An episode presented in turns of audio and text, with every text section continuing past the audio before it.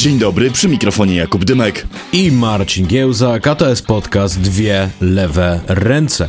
W dzisiejszym odcinku spróbujemy odpowiedzieć na pytanie, jak przygotować się na najgorsze i czy w ogóle jest to możliwe. Zajrzymy do Szwecji, która przygotowuje się na ewentualność wojny z Rosją. Od tejże Szwecji całkiem sporo możemy się, jeśli o to chodzi, nauczyć. I mówiąc my, mam na myśli Polacy, ale mówiąc my, mam także na myśli lewica, ponieważ tam również i socjaldemokratyczne rządy zadbały e, o to, aby kraj na okoliczność wojny był gotowy i to nie tylko od strony zakupu odpowiedniej ilości uzbrojenia, ale także i obrony cywilnej. Niezwykle ciekawy wątek, ale zanim to, mm, to zajmiemy się Ameryką.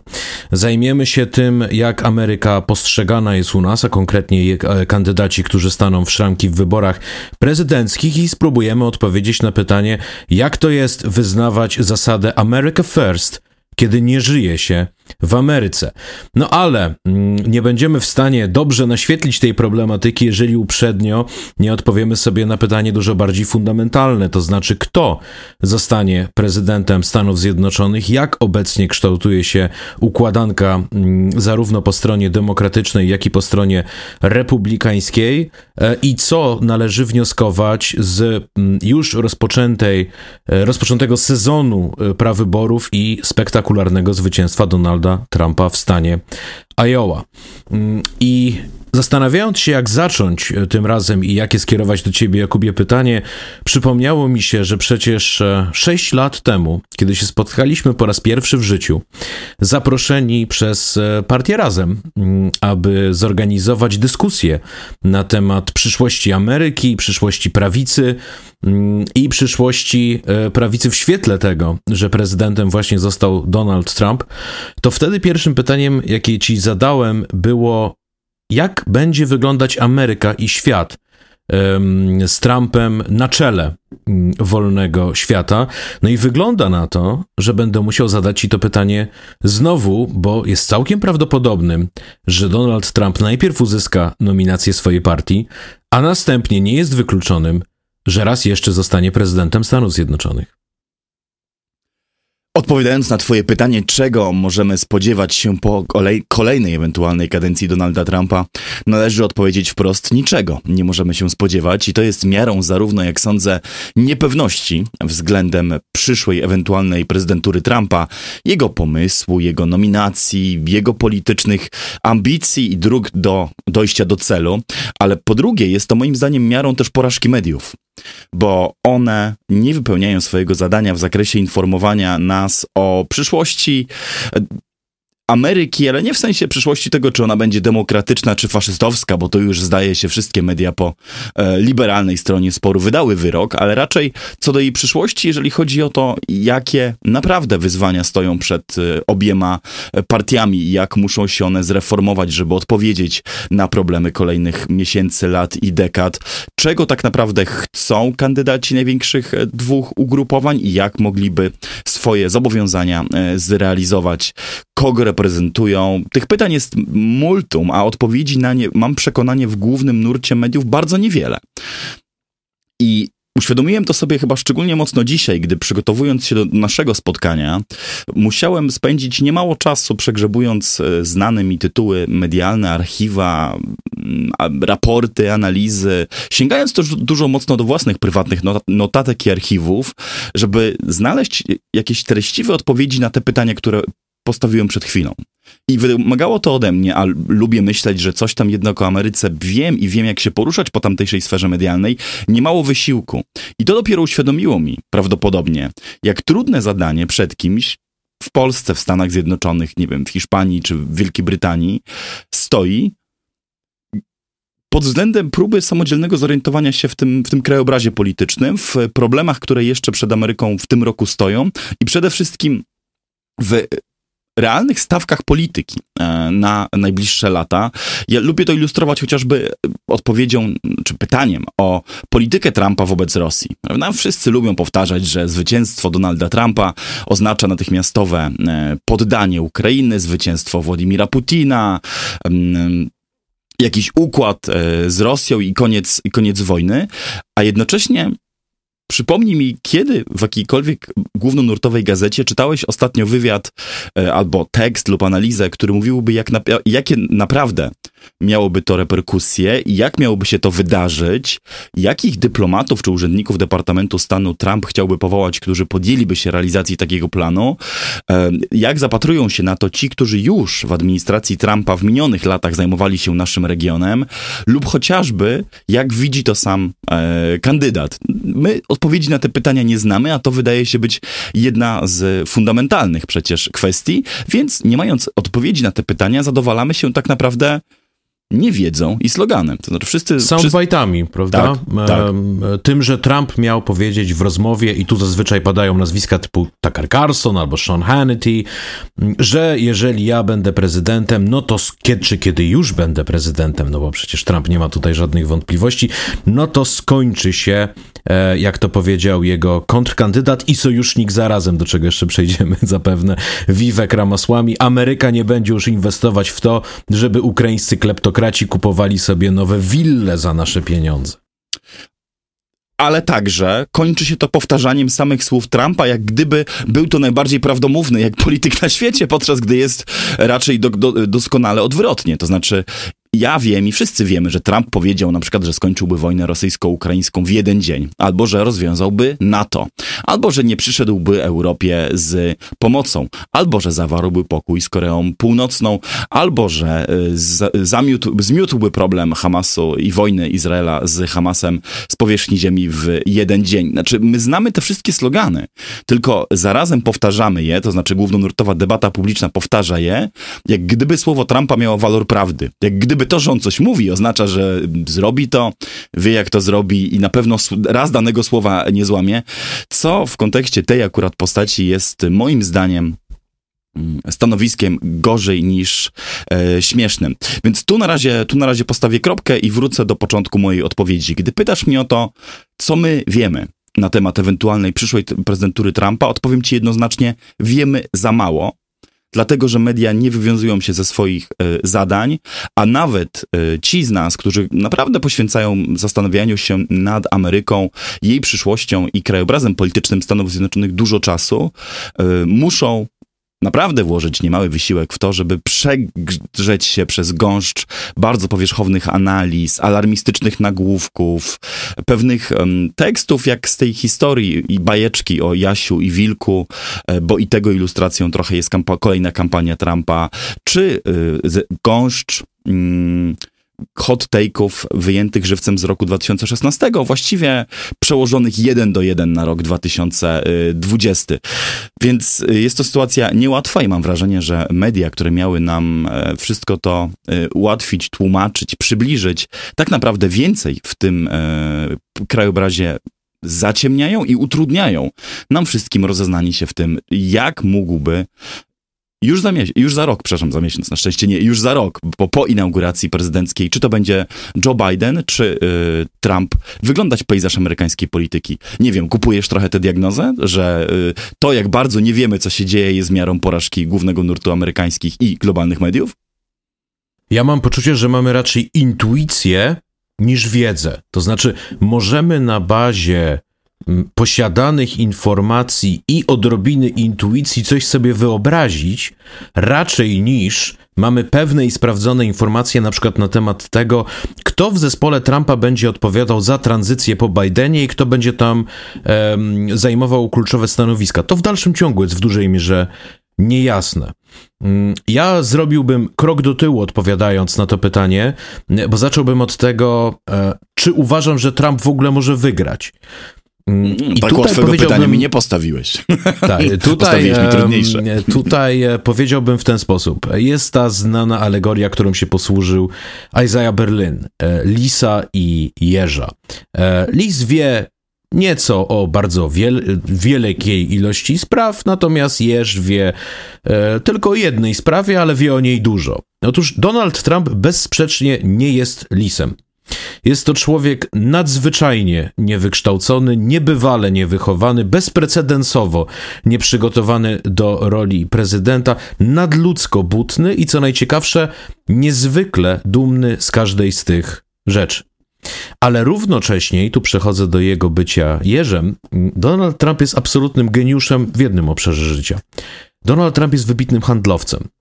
Wybitnego handlowca poznajemy nie po tym, że umie ludziom wepchnąć dobry towar, tylko po tym, że umie im wepchnąć beznadziejny produkt. Donald Trump umiał sprzedać Trump University. E, Donald Trump e, umiał e, wcisnąć ludziom wizję tego, że jest multimiliarderem i genialnym inwestorem, ponieważ grał multimiliardera i genialnego inwestora w teleturnieju. A ludzie, którzy robili ten teleturniej, kiedy pojawił się w ogóle pomysł na program The Apprentice, mówili sobie, skąd my weźmiemy poważnego biznesmena, który będzie miał czas na dni zdjęciowe e, i który będzie siedział cały czas na planie i który będzie nas wspierał w marketingu. Znaczy, Jeff Bezos i Bill Gates nie mają czasu na tego typu rzeczy, mają wielkie imperia, którymi za zarządzają. Ktoś powiedział, ej, a gdybyśmy wzięli Donalda Trumpa, nie? Donald Trump umie sprzedać siebie jako, e, jako wybitnego przedsiębiorcę. No i dokładnie to się stało. No i umiał też sprzedać Amerykanom Trumpizm. Umiał sprzedać Amerykanom e, siebie jako kandydata na prezydenta i siebie jako prezydenta. No bo jeżeli ponad połowa mm, zarejestrowanych republikanów w stanie Iowa głosuje na niego mm, i bije ono kilkadziesiąt punktów procentowych konkurencję, no to widać doskonale, że partia republikańska, żeby udręczyć ten slogan, już jest partią Trumpa. I Donald Trump jest też e, jeżem mm, z jeszcze jednego powodu. To znaczy, o ile na poziomie szczegółów on prawdopodobnie przegrałby debatę z w miarę ogarniętym licealistą, o tyle na poziomie haseł on naprawdę utrafił w stan ducha bardzo istotnej części Amerykanów i w potrzeby dużej części tamtejszego elektoratu. Kiedy krytykuje globalizację, przyjeżdża do Davos i mówi: Ja tu przyjechałem reprezentować interesy Stanów Zjednoczonych, to utrafia w to, co Amerykanie myślą. Globalizacja nie działa dla nas. Może działa dla ludzi w e, Nowym Jorku albo Dolinie Krzemowej, ale nie działa tutaj dla nas e, w Wisconsin albo Alabamie. E, podobnie znakomicie zdiagnozował pewne poczucie alienacji amerykańskiego społeczeństwa. Po co głosować? I tak jest zawsze tak samo. I tak ci wszyscy ludzie są dokładnie tacy sami, to jest dokładnie to samo bagno. E, doskonale też według mnie e, e, uchwycił się wątku sinodependencja. Czy tutaj wszyscy się mylili, on miał rację, kiedy establishmentowym poglądem było, że da się poprzez handel sprawić, że Chiny się zdemokratyzują, zliberalizują i ucywilizują, no to Donald Trump był tym, który cały czas mówił, że China jest problemem i dzisiaj już właściwie powszechnie przyjętym poglądem jest to, że miał rację. No i wreszcie E, Trump był też posłowiem nieudanej rewolucji. Ludzie głosowali dwa razy na Obamę, bo wierzyli, że będzie nowy New Deal. Nic podobnego się nie wydarzyło. Mm, I to wszystko, według mnie, wyraża się w haśle Trumpa e, Make America Great Again. To jest istota jego geniuszu handlowego. Kiedy tradycyjną republikańską narracją byłoby jesteśmy numerem jeden, jesteśmy najlepsi, wszystko idzie rewelacyjnie, jest poranek w Ameryce to Donald Trump mówił, amerykańskie marzenie jest martwe. I mówił, że Amerykę trzeba ponownie uczynić wielką, i to trafiło do przekonania elektoratu. No i spójrzmy, jakie są teraz emocje ludzi. Nie jakie są fakty, ale jakie są emocje. Emocje nie są takie, że idzie dobrze. I spodziewam się, że y, odbijesz piłkę za chwilę i powiesz, no ale Bidenomika działa, spójrzmy na statystyki, Bidenomika działa. Tylko jedna rzecz jest z tym wszystkim naprawdę przerażająca. Otóż kiedyś było tak, że najlepszym predyktorem tego, co myślisz o rządzie, była gospodarka. Zapytaj kogoś pół roku przed wyborami, czy gospodarka ma się dobrze, czy źle, a wiesz, czy zagłosuje na obecnego prezydenta, czy zagłosuje na jego konkurencję.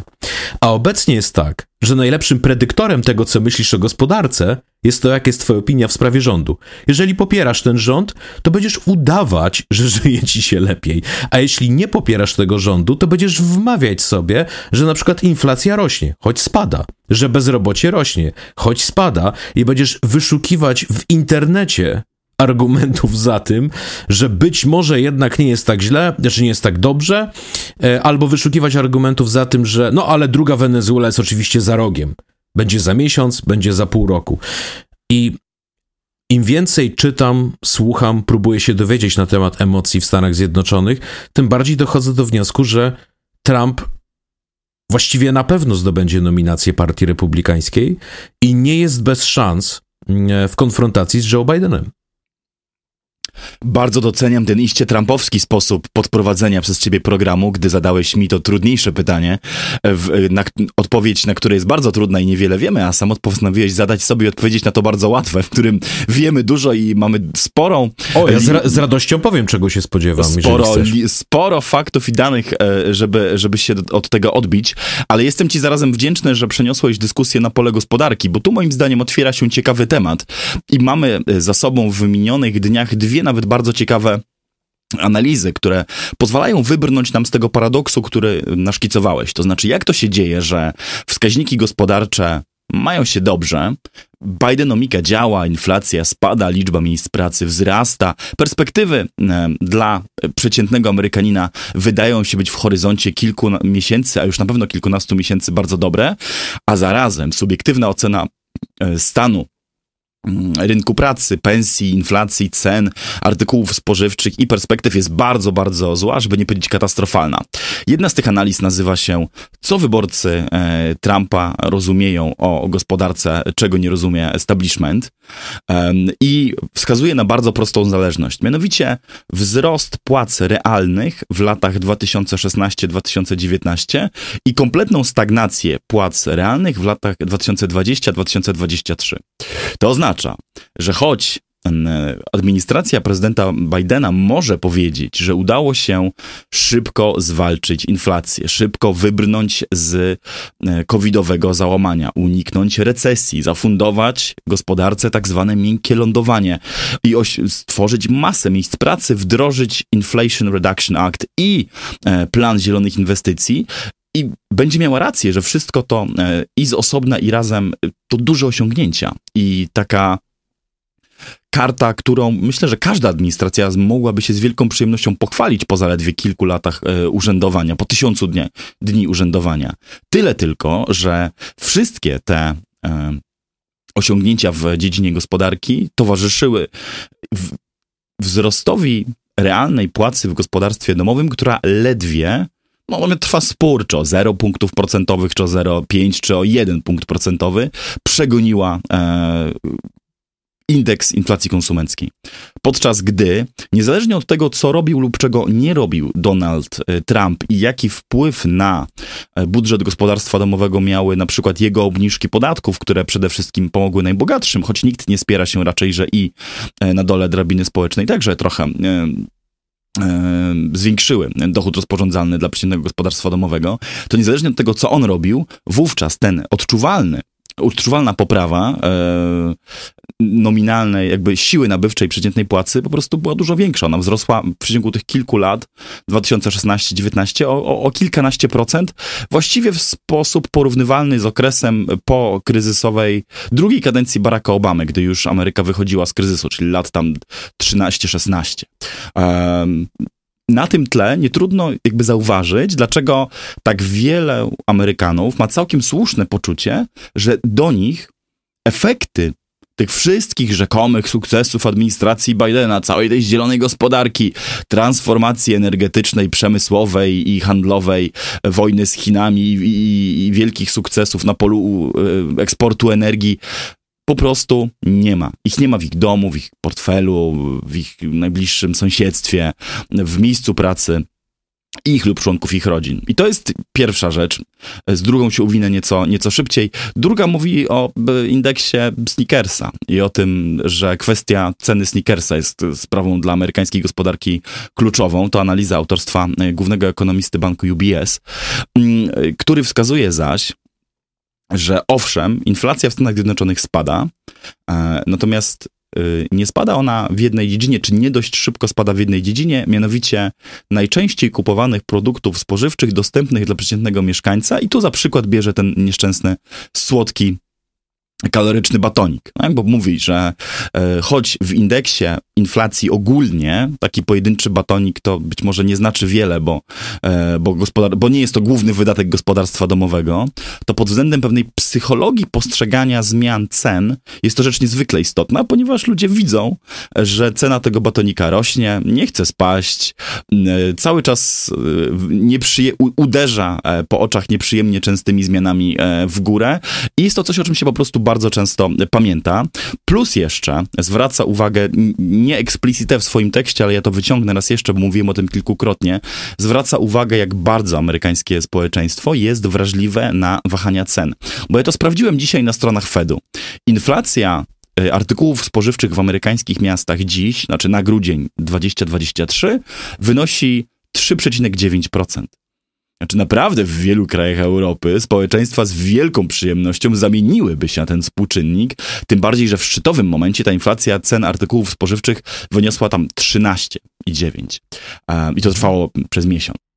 Tak, ja, ja, ja biorę taką inflację chętnie. Prawda? Dużo ludzi by wzięło. Tymczasem w Stanach Zjednoczonych, e, w Stanach Zjednoczonych, gdzie tak naprawdę dwie rzeczy, czyli cena paliwa i cena, cena produktów spożywczych i ewentualnie mieszkania, decyduje, i trudno się ludziom dziwić, tak bardzo o ocenie jakby polityki gospodarczej rządu i gdzie tolerancja na te zmiany inflacyjne jest dużo, dużo mniejsza niż w Europie, może okazać się, że te nieszczęsne 3,9% lub licząc jeszcze inaczej 0,2% miesiąc do miesiąca inflacji cen produktów spożywczych, e, czyli wskaźnik najwyższy od roku 19, e, może być gwoździem do trumny prezydentury Joe Bidena, drugiej kadencji Joe Bidena, a niektórzy powiedzieliby, choć nie wiem, czy ja jestem w tym gronie, gwoździem do trumny amerykańskiej demokracji jako takiej.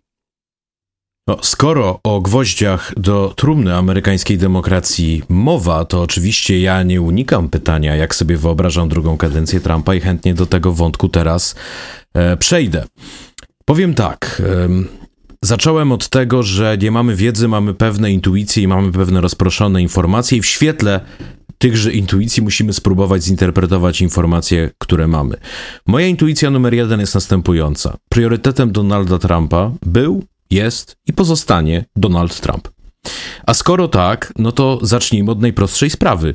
Donald Trump ma 91 zarzutów e, z najróżniejszych paragrafów. Nad Donaldem Trumpem wisi ryzyko bycia mm, skazanym e, za e, to, co wydarzyło się mm, w toku szturmu na Kapitol i za próby mm, wykoślawienia, wykolejenia demokratycznych wyborów i zatrzymania pokojowego przekazania władzy następnej administracji. I Donald Trump ma absolutnie każdy osobisty interes w tym, żeby zablokować, sparaliżować amerykański wymiar sprawiedliwości, żeby ratować własną skórę. I pierwsza rzecz, którą Trump może spróbować zrobić, to na przykład ułaskawić samego siebie. I wtedy zacznie się pierwszy, według mnie, w długiej serii z kontrolowanych kryzysów konstytucyjnych, które mogą się wymknąć spod kontroli. I nie bez powodu, ledwie dzisiaj, Anne Applebaum, e, dziennikarka, która nie tylko, że zdobyła nagrodę Pulitzera, ale także i twoją, twój dozgonny podziw, e, podawała dalej artykuł i tweetowała na temat tego, że jeśli Amerykanie chcą wiedzieć, jak sobie poradzić z ryzykiem końca demokracji autorytaryzmem, wystarczy, że spojrzą w kierunku Polski i żelaznej miotły Donalda Tuska. A zatem em, kontrolowane kryzysy konstytucyjne. No i wyobraźmy sobie, że Trump ułaskawia samego siebie. No przecież demokraci powiedzą, że to samo w sobie zasługuje na, imp- na impeachment. Jest to posłużenie się uprawnieniami prezydenta w celu osiągnięcia własnej osobistej e, korzyści, czego prezydentowi robić nie wolno. Impeachment to zabawna procedura. Można złamać wprost prawo i nie być przedmiotem e, impeachmentu, e, a można wykonać czyn, który nie jest w żaden sposób nielegalny i być. Jeżeli na przykład prezydent wyjechałby do Mar-a-Lago i powiedział, że już nigdy więcej nie wyjdzie z tej rezydencji, to nie łamie prawa, ale można poddać go procedurze impeachmentu. Otóż, jeżeli Trump ułaskawi sam siebie i dalej będzie sobie prezydentem i nikt nie przeprowadzi na nim impeachmentu, no to właściwie wnioski z tego płynące będą niesamowicie paradoksalne i ożywcze dla przeciwników demokracji, bo to by oznaczało, że pre prezydent, na przykład wiceprezydent, prezydent mógłby, albo wiceprezydent załóżmy, mógłby zastrzelić prezydenta Stanów Zjednoczonych, W tym momencie on byłby prezydentem i mógłby następnie sam siebie łaskawić i dalej spokojnie kontynuować swój mandat jako prezydent. Mm, kolejna sprawa. Mogę jedno słówko? Będzie krótko.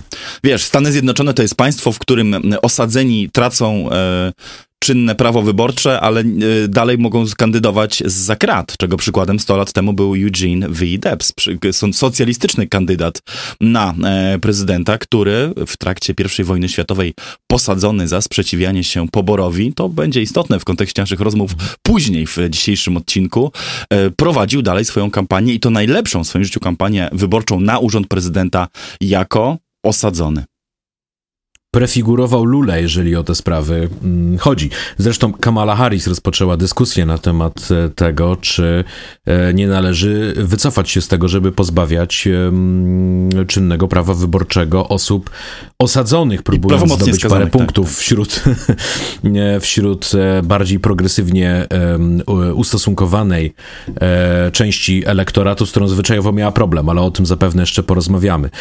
Wracając natomiast do tego, co będzie dla Trumpa priorytetem no, jego własne problemy prawne bezsprzecznie. E, nie zdziwiłbym się tak zupełnie, gdyby doszło do paradoksu, w którym to Donald Trump zostanie wybrany na prezydenta, na przykład siedząc już w areszcie czy w więzieniu. Mm, kolejna sprawa jednak, e, tu już dużo bardziej prawdopodobna niż scenariusz, który właśnie zarysowałem, ukarać Ukrainę ukarać Ukrainę z czysto personalnych powodów. To znaczy, cała procedura impeachmentowa zaczęła się od Ukrainy. To znaczy, Zełęński nie dostarczył mu kompromatów na Huntera Bidena i tym samym na jego kontrkandydata Joe Bidena.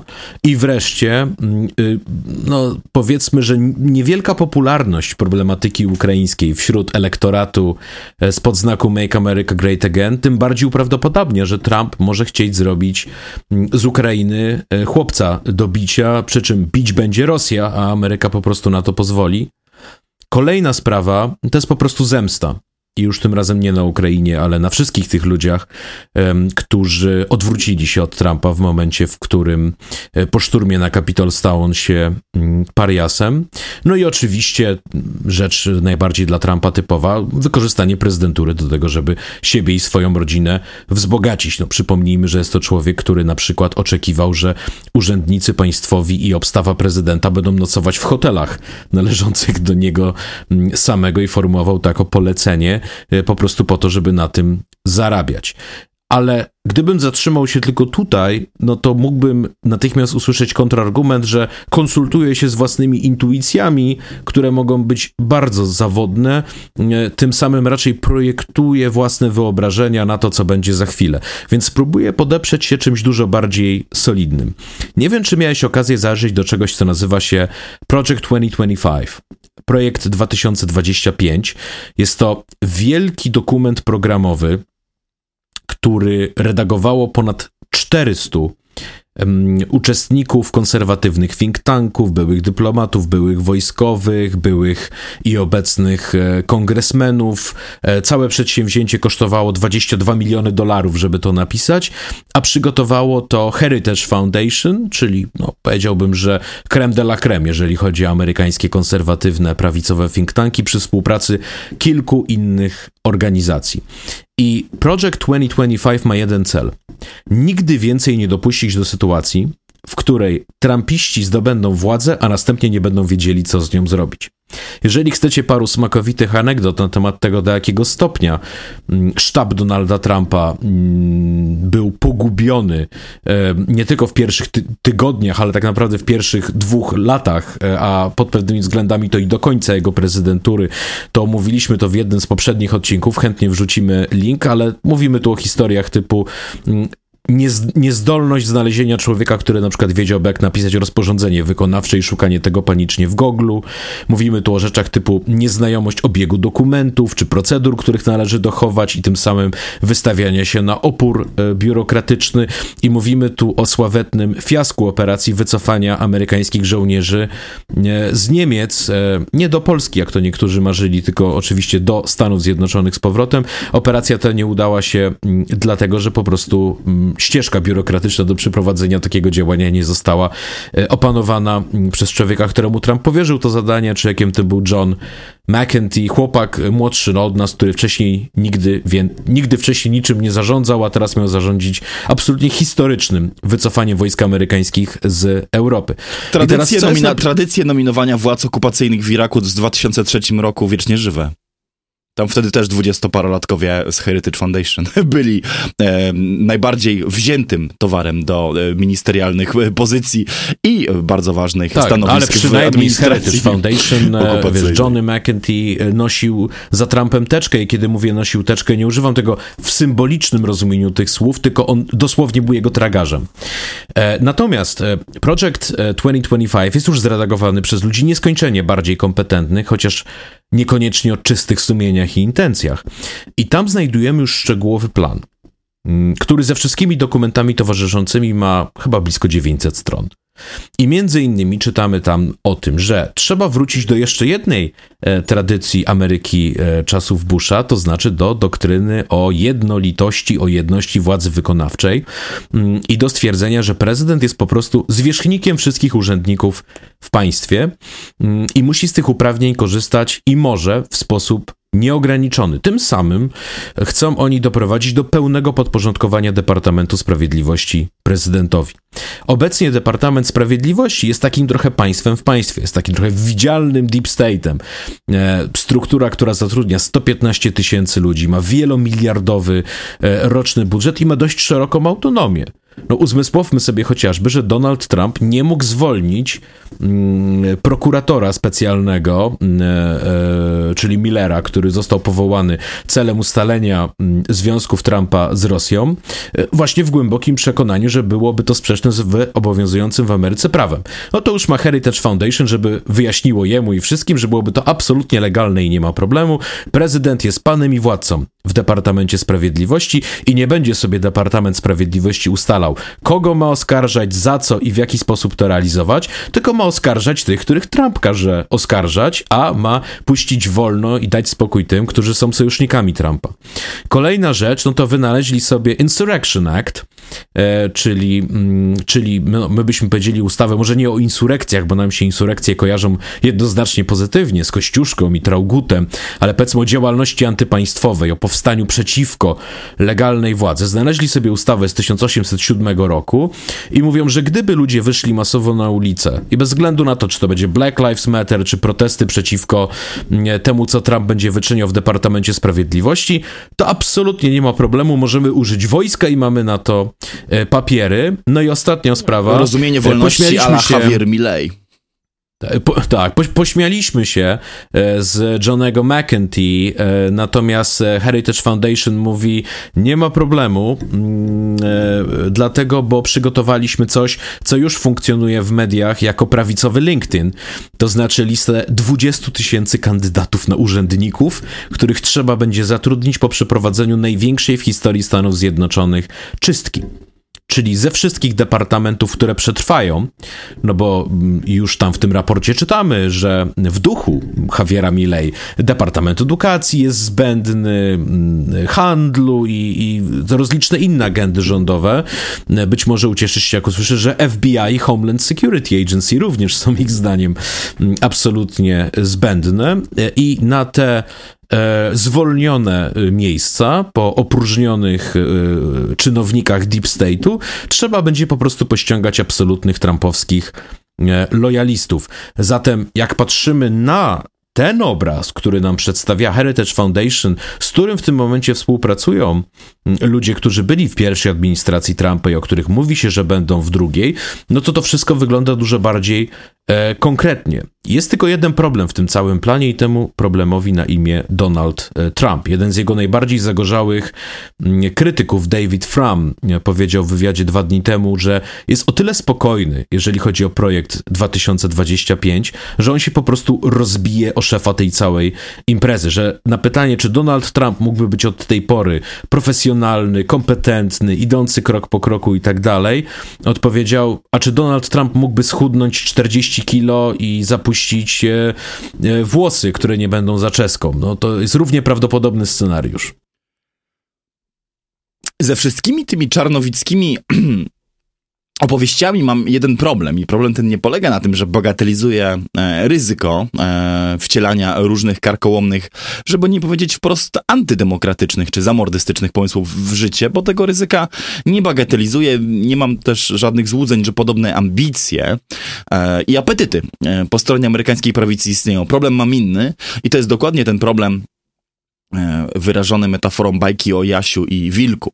Ja przypominam sobie, że już w roku 2015, a skoro zacząłeś od tego, to i warto przypomnieć, że sporo wtedy pisałem o skrajnej amerykańskiej prawicy, pisałem swoją książkę, pisałem e, do kilku polskich tytułów i śledziłem cały dyskurs wokół alt-rightu.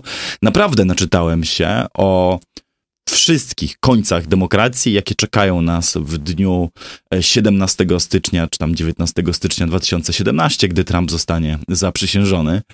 I bardzo niewiele się z tego wydarzyło.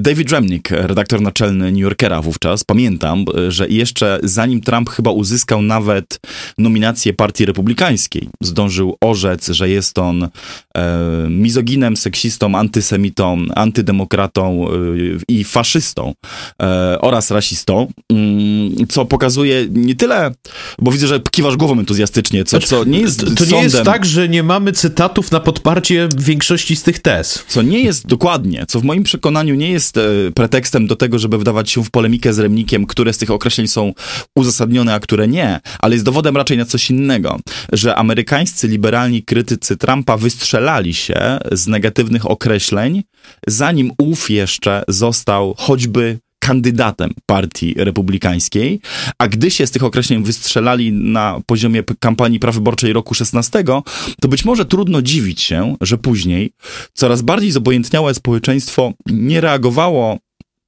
z podobnym przestrachem i mm, histerią, jak mainstreamowe elity, na każdy kolejny e, zarzut, który wobec Trumpa był podnoszony. Dlatego też te 91 zarzutów, już w sensie e, całkiem dosłownym po prostu paragrafów, nie robi takiego wrażenia, jakie robiłby chociaż jeden mocny kiedyś, który został był dokumentowany, dowiedziony przed sądem i, e, i postawiony jednoznacznie. Dzisiaj na afery takie jak Russiagate, która miała y, zdmuchnąć prezydenturę Trumpa, dowieść jego niezaprzeczalnych związków z reżimem Putina i raz na zawsze wykluczyć z polityki, pozostaje tylko wzruszyć ramionami i, i, się, i się uśmiechnąć. Bo Russiagate więcej zrobiła dla ośmieszenia idei walki ze wpływami na przykład rosyjskimi w amerykańskiej polityce, e, a ktoś zresztą, na przykład ja, mógłby się upierać, że miała długofalowo dużo bardziej negatywne konsekwencje i dla samej Partii Demokratycznej i Stanów Zjednoczonych i świata. Natomiast, natomiast jedna rzecz, której się w ramach Russiagate nie udało dowieść, to jednoznacznych związków administracji Trumpa z służbami specjalnymi Federacji Rosyjskiej i ich współpracy w celu wygrania wyborów, a po drugie, czego się nie udało, to owej prezydentury na fali tych podejrzeń e, przykrócić. Każda kolejna próba demokratów Zgodzę się zaś... z drugą częścią tego zdania. Nie ale ja, się z pierwszą. Ja, ja, wiem, ja wiem, że, ja wiem, że e, jeszcze nie jesteś gotowy na, na, na rozstanie się z kościołem Russia, Russia Gate, ale takie jest też nie, twoje uważam, że z raportu prawo. Mullera wynika w sposób jednoznaczny, że Rosjanie in, zainterweniowali w amerykańskich wyborach i wynika w sposób jednoznaczny, że e, rozliczni ludzie z otoczenia Trumpa, od jego syna Dona Juniora e, począwszy, na Jeffie e, Sessionsie, jeśli tak wolno to odmienić po polsku, Myślę, czyli prokuratorze generalnym skończywszy. Przypomnę, że Sessions musiał e, złożyć urząd, ponieważ nie mógł nadzorować śledztwa, którego był obszarze zainteresowania, ponieważ wielokrotnie spotykał się z rozlicznymi rosyjskimi funkcjonariuszami, z rosyjskim ambasadorem w Stanach Zjednoczonych, chociażby, co już według mnie e, e, każe zadać pytanie, czy nie naruszył ustawy Logana, tak? czyli tego, że obywatel Stanów Zjednoczonych nie może samodzielnie prowadzić polityki zagranicznej tego państwa. I oczywiście, że rozmawiali chociażby na temat ustawy Magnickiego, która uderzała w rosyjskich oligarchów, więc według mnie te związki były bezsprzeczne. Ja raczej powiedziałbym, że demokraci e, spróbowali pewnego oversellu. To znaczy przedstawili Trumpa jako marionetkowego kandydata Kremla, a to już nie była prawda. I druga rzecz, wszystko absolutnie postawili na tą kartę. Nie wykazywali, że Trump jest złym prezydentem, wykazywali, że Trump jest fałszywym, marionetkowym prezydentem. um, i dlatego nie byli w stanie e, zmierzyć się z nim na poziomie problemów, które realnie leżały na stole, tylko mierzyli się z nim na poziomie tego, czy dossier Stila jest prawdziwe, czy nie. Postanowili, że było nieprawdziwe. Postanowili zdelegitymizować prezydenturę Trumpa za pomocą takich samych argumentów, za pomocą których i w Polsce dwie głównonurtowe partie próbują e, odmawiać sobie prawa do sprawowania władzy nawzajem. Ty jesteś rosyjskim agentem. Nie, ty jesteś rosyjskim agentem. To ty robiłeś reset z Putinem. Nie, to ty robiłeś reset z Putinem. Mamy na tu to... jest zdjęcie, na którym do... jesteś z Ławrowem. Tak, dokładnie. Tu jest zdjęcie, którym jesteś z Ławrowem. E, oczywiście, że e, postępowania w ramach Russia Gate dowiodły kontaktów przedstawicieli e, państwa rosyjskiego lub ludzi podających się, zadziałających w imieniu Kremla z ludźmi związanymi z kampanią e, Trumpa, ale zarazem dowiodły one tego, co o amerykańskiej polityce wiedzą niejako wszyscy, że w toku kampanii e, inne państwa, czy będzie to Rosja, czy Ukraina, czy Izrael, czy Wielka Brytania, czy Niemcy, próbują szukać własnych dojść do wpływowych ludzi w otoczeniu e, danego kandydata. W przypadku Trumpa różnica polegała na tym, e, Wiesz, że... Ale nie włamują się na skrzynki mailowe e, e, w, w, w, kluczowych współpracowników murowanej kandydatki na prezydenta. To zgodzimy się, że to była pewna różnica Ale włam, włamywali się też na skrzynki e, kampanii prezydenckiej Emmanuela Macrona. A mimo to Francja nie miała własnej Russia Gate, tak? Mimo to Francja nie spędziła wielu lat na um, próbie udowodnienia z góry dętych, jakby, czy, czy bardzo wątpliwych e, zarzutów. No, Macron wobec, grał tą kartą grał w debacie kartą, z Marine dobrze. Le Pen cały czas. Wiem, że widzę, że nie jesteś gotów odpuścić, że jesteś bardzo przywiązany do tej tezy, więc zamknę tę e, dyskusję jakby jednym argumentem. Znaczy, jeżeli naprawdę były tak e, mocne dowody na to, że urzędnicy administracji Trumpa łamali najróżniejsze ustawy i rzeczywiście być może winni byli nawet zdrady stanu, to dlaczego jest tak mało wyroków wskazujących po e, blisko Odpowiedzi już czterech na to pytanie, latach? jednym zdaniem. E, kontaktowanie się z przedstawicielami obcego państwa nie jest przestępstwem samo w sobie, chyba że udowodniono by komuś, że złamał ustawę Logana, co jest nieprawdopodobnie trudne do udowodnienia. Budowa Trump Tower w Moskwie nie jest przestępstwem. E, bycie zadłużonym u rosyjskich oligarchów nie jest przestępstwem. To znaczy, demokraci popełnili błąd, być może dlatego, że Ameryka, jak wszystkie republiki kupieckie, jest nieprawdopodobnie legalistycznym państwem i społeczeństwem, że szukali na Trumpa paragrafu. Nie należało szukać paragrafu, należało powiedzieć, że on się wykazał rażącą nielojalnością wobec własnego państwa i wobec tego nie nadaje się na prezydenta, a nie należało zbudować jak prawnik szereg argumentów prawnych, bo wtedy ludzie mogli powiedzieć, nie został skazany, czyli jest niewinny. On nie złamał prawa. On złamał pewnego rodzaju standard etyczny, który powinien wszystkich ludzi w polityce, a już zwłaszcza kandydata na prezydenta obowiązywać. Czym dowodzisz mojej tezy sprzed kilku minut. Tak, Trump, kampania Trumpa była e, winna tego, co robią wszystkie inne kampanie w historii osta ostatnich lat. Tak? E, szukają dossier na swoich przeciwników, kontaktują się w tym celu z przedstawicielami innych państw, robią e, nieeleganckie interesy za granicą. Zupełnie jak powołany do Rady Ukraińskiej Korporacji Energetycznej syn prezydenta Bidena, który próbował powoływać się na jego nazwisko w kontaktach biznesowych z przedstawicielami państw, czasami nierzadko przecież wprost Ameryce e, nieprzychylnych. E, a i ta historia przecież była w tle e, postępowania impeachmentowego. Russia Gate upadła i to upadł, i upadła, prawdę mówiąc, z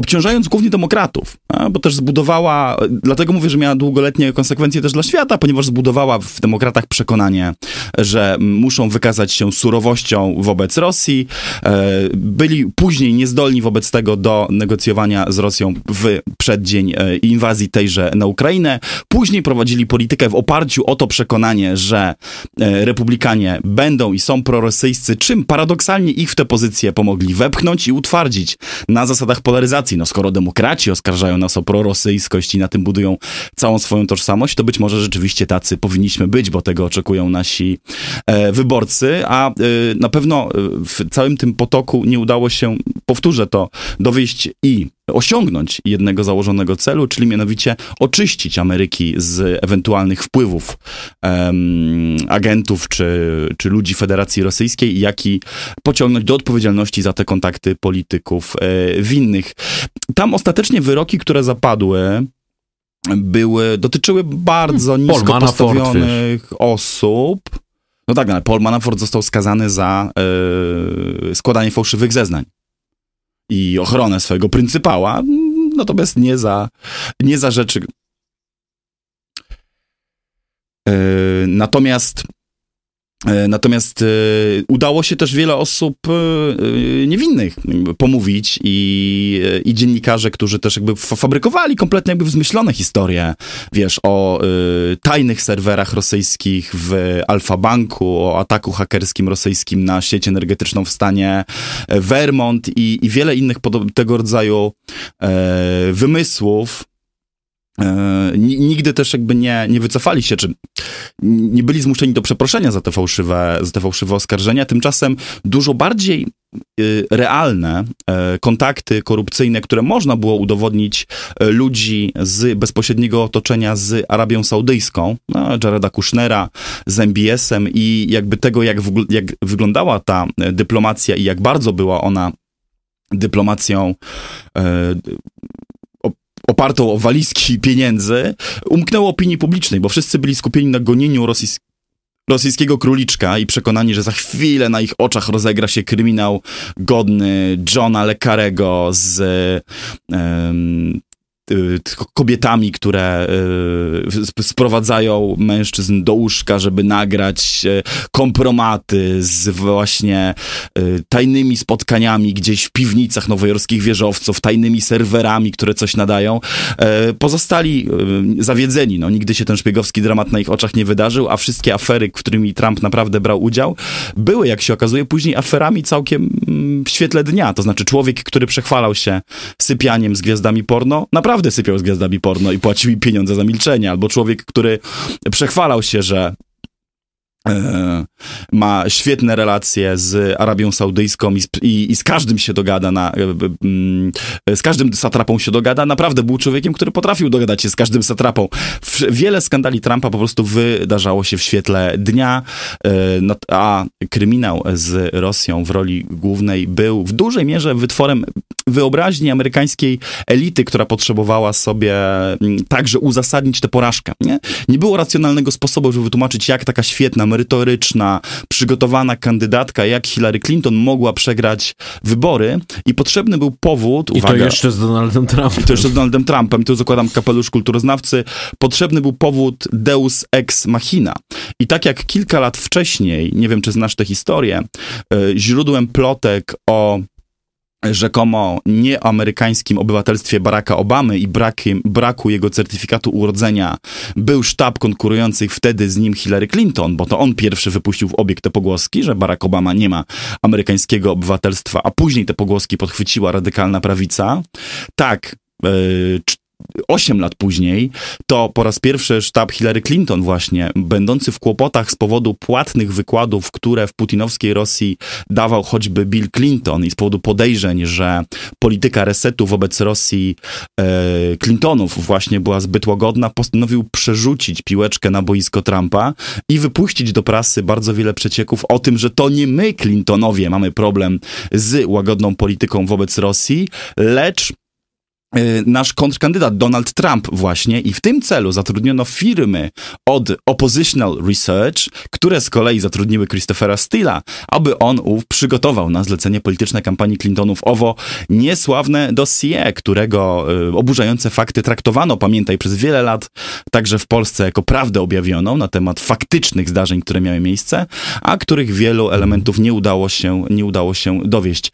Bardzo długi mieliśmy ten y, tą, tę dygresję, być może w historii dygresji programu DLR będzie to najdłuższa, o prawdziwości lub nie Russia Gate. Zapraszam komentatorów i komentatorki do samodzielnej oceny tego starcia, a tobie bym chciał podać piłkę e, całkiem po przyjacielsku, e, wystawić się, o, nienawidzę metafor sportowych, e, żebyś strzelił gola do bramki demokratów, bo mamy tutaj przecież jeszcze cały wątek tego, dlaczego Aha. ludzie mogą nie chcieć Joe Bidena. Jaki, z jakim problemem mierzy się ta kampania dzisiaj?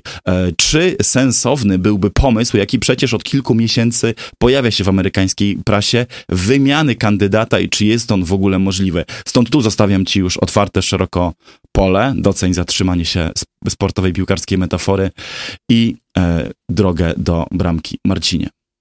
Co z tym Bidenem? Według mnie jest już za późno na tą rozmowę. To znaczy nie ulega dla mnie wątpliwości, Coś na naszą Bidenie, moment, czy o wymianie kandydata moment w amerykańskich na wykonanie manewru z mm, Rafałem Trzaskowską i Małgorzatą Kitową-Błońską, to znaczy podmiankę kandydata, był, ale był parę miesięcy temu, jeszcze w 2023 roku. Wtedy jeszcze można było mm, znaleźć rozwiązanie na to, żeby z gracją przedstawić wizję, w której e, Joe Biden chce się teraz skupić na przykład na poważnych kryzysach, które ciążą nad Ameryką, a nie na robieniu kampanii wyborczej i że chciałby przekazać pałeczkę swojemu następcy bądź następczyni. Krótko mówiąc, manewr w rodzaju Lyndona Johnsona w 1968 roku, kiedy LBJ doszedł do wniosku, mm, że jednak Ameryka nie wybaczy mu mm, wszystkiego tego, co wydarzyło się w Indochinach. Mm, i, i e, okrzyk hey, hey, LBJ, how many kids have you killed today? Będzie już zanim podążał do końca dni jego, no to zdecydowano się, żeby to Hubert Humphrey i Edmund Muskie wzięli na siebie zadanie poniesienia dalej demokratycznej e, pochodni. E, no, ci dwaj, no bo wcześniej zamordowany został Robert F. Kennedy, który wydawał być się najbardziej naturalnym następcą Lyndona Johnsona.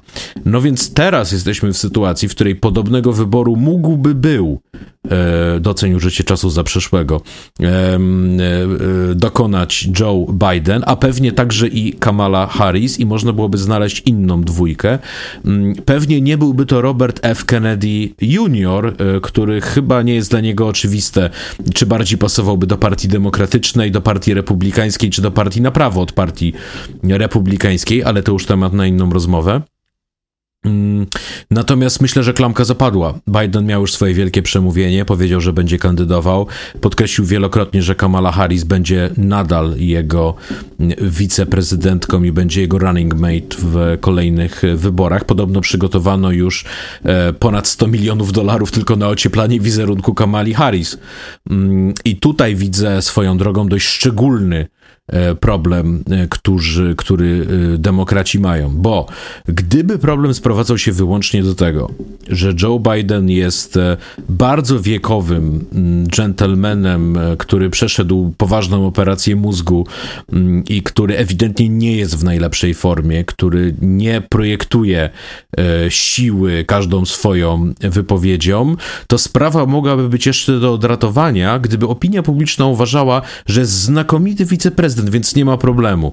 Jeżeli stan zdrowia prezydenta kompletnie się załamie, jeżeli odpukać zmarłby w trakcie swojej drugiej kadencji, no to umarł król, niech żyje król. Tylko, że Kamala Harris jest wyjątkowo niepopularną Mm, polityczką i chyba nie było w żywej pamięci wiceprezydenta, który miałby tak fatalne notowania. Ona ma gorsze notowania niż Dick Cheney.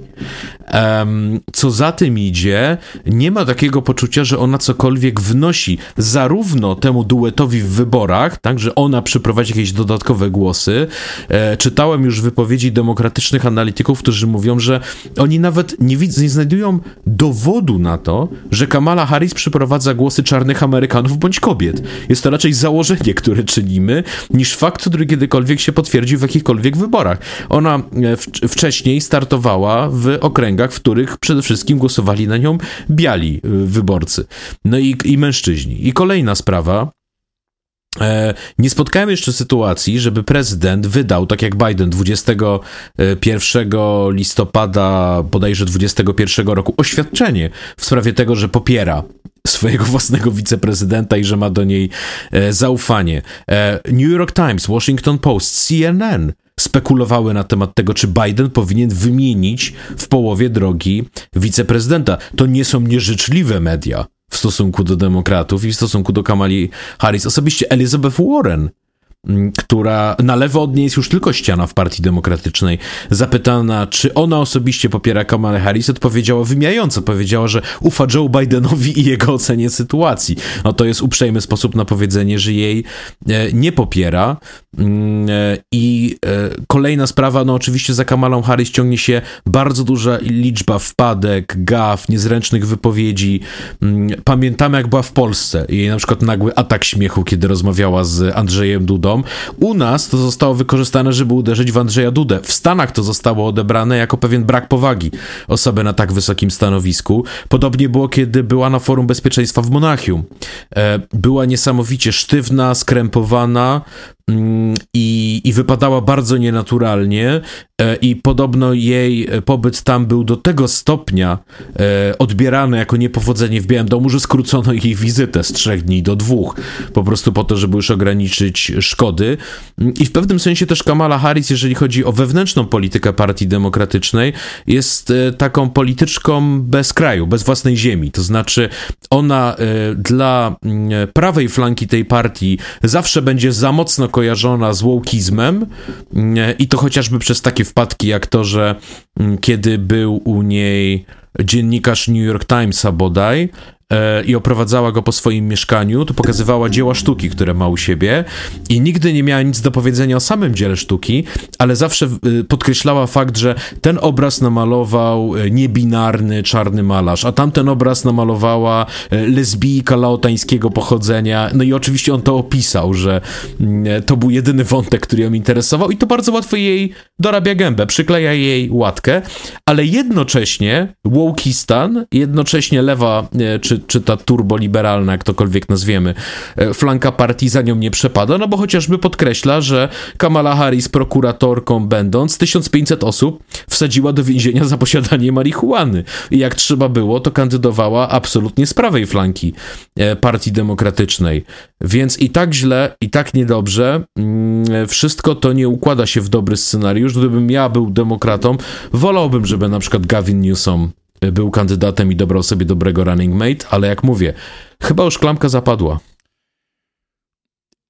Skupiłeś się na Kamali Harris i moim zdaniem słusznie. Ja nie wiem, czy warto dłużej pastwić się nad tym, że demokraci e, uparli się, by e, postawić kobietę na czele e, demokratycznej listy, nawet po trupach demokratycznej listy w wyborach prezydenckich i będą próbowali tej strategii z samobójczym zapałem Właściwie dobre, pytanie do kiedy, bo chciałem powiedzieć, dopóki nie wygra Donald Trump, ale już raz Donald Trump e, wygrał i to nie e, zniechęciło e, demokratów do próbowania, to definicja szaleństwa, próbowania po raz wtóry podobnych rozwiązań, licząc na odmienne rezultaty, ale nie powiedziałeś o tym, że słabość Kamali Harris jest w jakimś sensie nieodróżnialna od słabości samego Joe Bidena, przynajmniej w tych rankingach poparcia, bo nie było w historii powojennej, od kiedy mamy e, podobne sondaże e, prezydenta, który na tym etapie e, urzędowania, w okolicach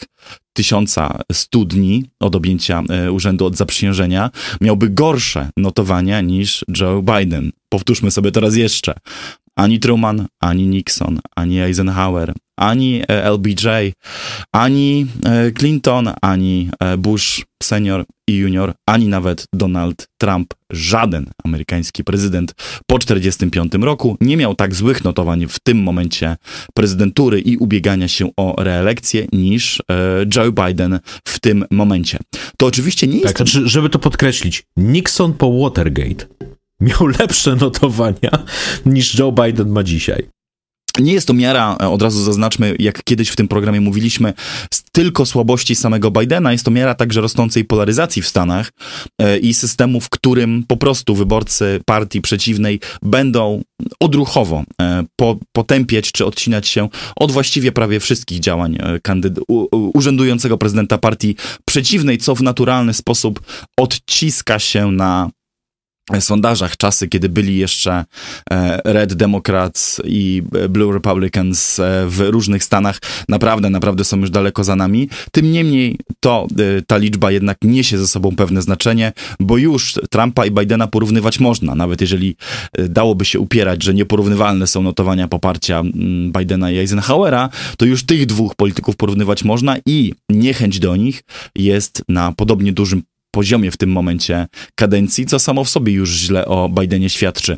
Dalej szybciutko. W pięciu z sześciu, choć według niektórych badaniach we wszystkich sześciu stanach, które rozstrzygną o wyborach, tych, które e, będą decydujące dla ostatecznej liczby elektorów, Dziś e, Trump w sondażach prowadzi z e, Bidenem. E, co więcej, mm, Biden w sondażach 1 do 1 z hipo, w hipotetycznej parze prezydenckiej w ostatecznej, w ostatecznej batalii przegrywa z Trumpem dwoma punktami procentowymi, a siedmioma lub dziewięcioma z Haley i DeSantisem, kandydatami, zaznaczmy, samymi w sobie niespecjalnie mocnymi, co pokazują ich wyniki chociażby w stanie Iowa. Gdzie odbyła się pierwsza runda republikańskich e, prawyborów. E, ekipa Bidena jest... Gdzie Trump uzyskał większe poparcie, aniżeli wszyscy pozostali kandydaci razem wzięci. E, no tak, tak, tak. Ostatni raz, kiedy rozmawialiśmy o prawyborach, przewaga Trumpa nad DeSantisem wynosiła około 3 do 1, to było 51 do 17, Trump kontra DeSantis. Dziś w tym samym agregacie sondaży to jest bliżej 6 do 1, 64 do 11 albo 64 do 12 między Trumpem i Haley oraz DeSantisem.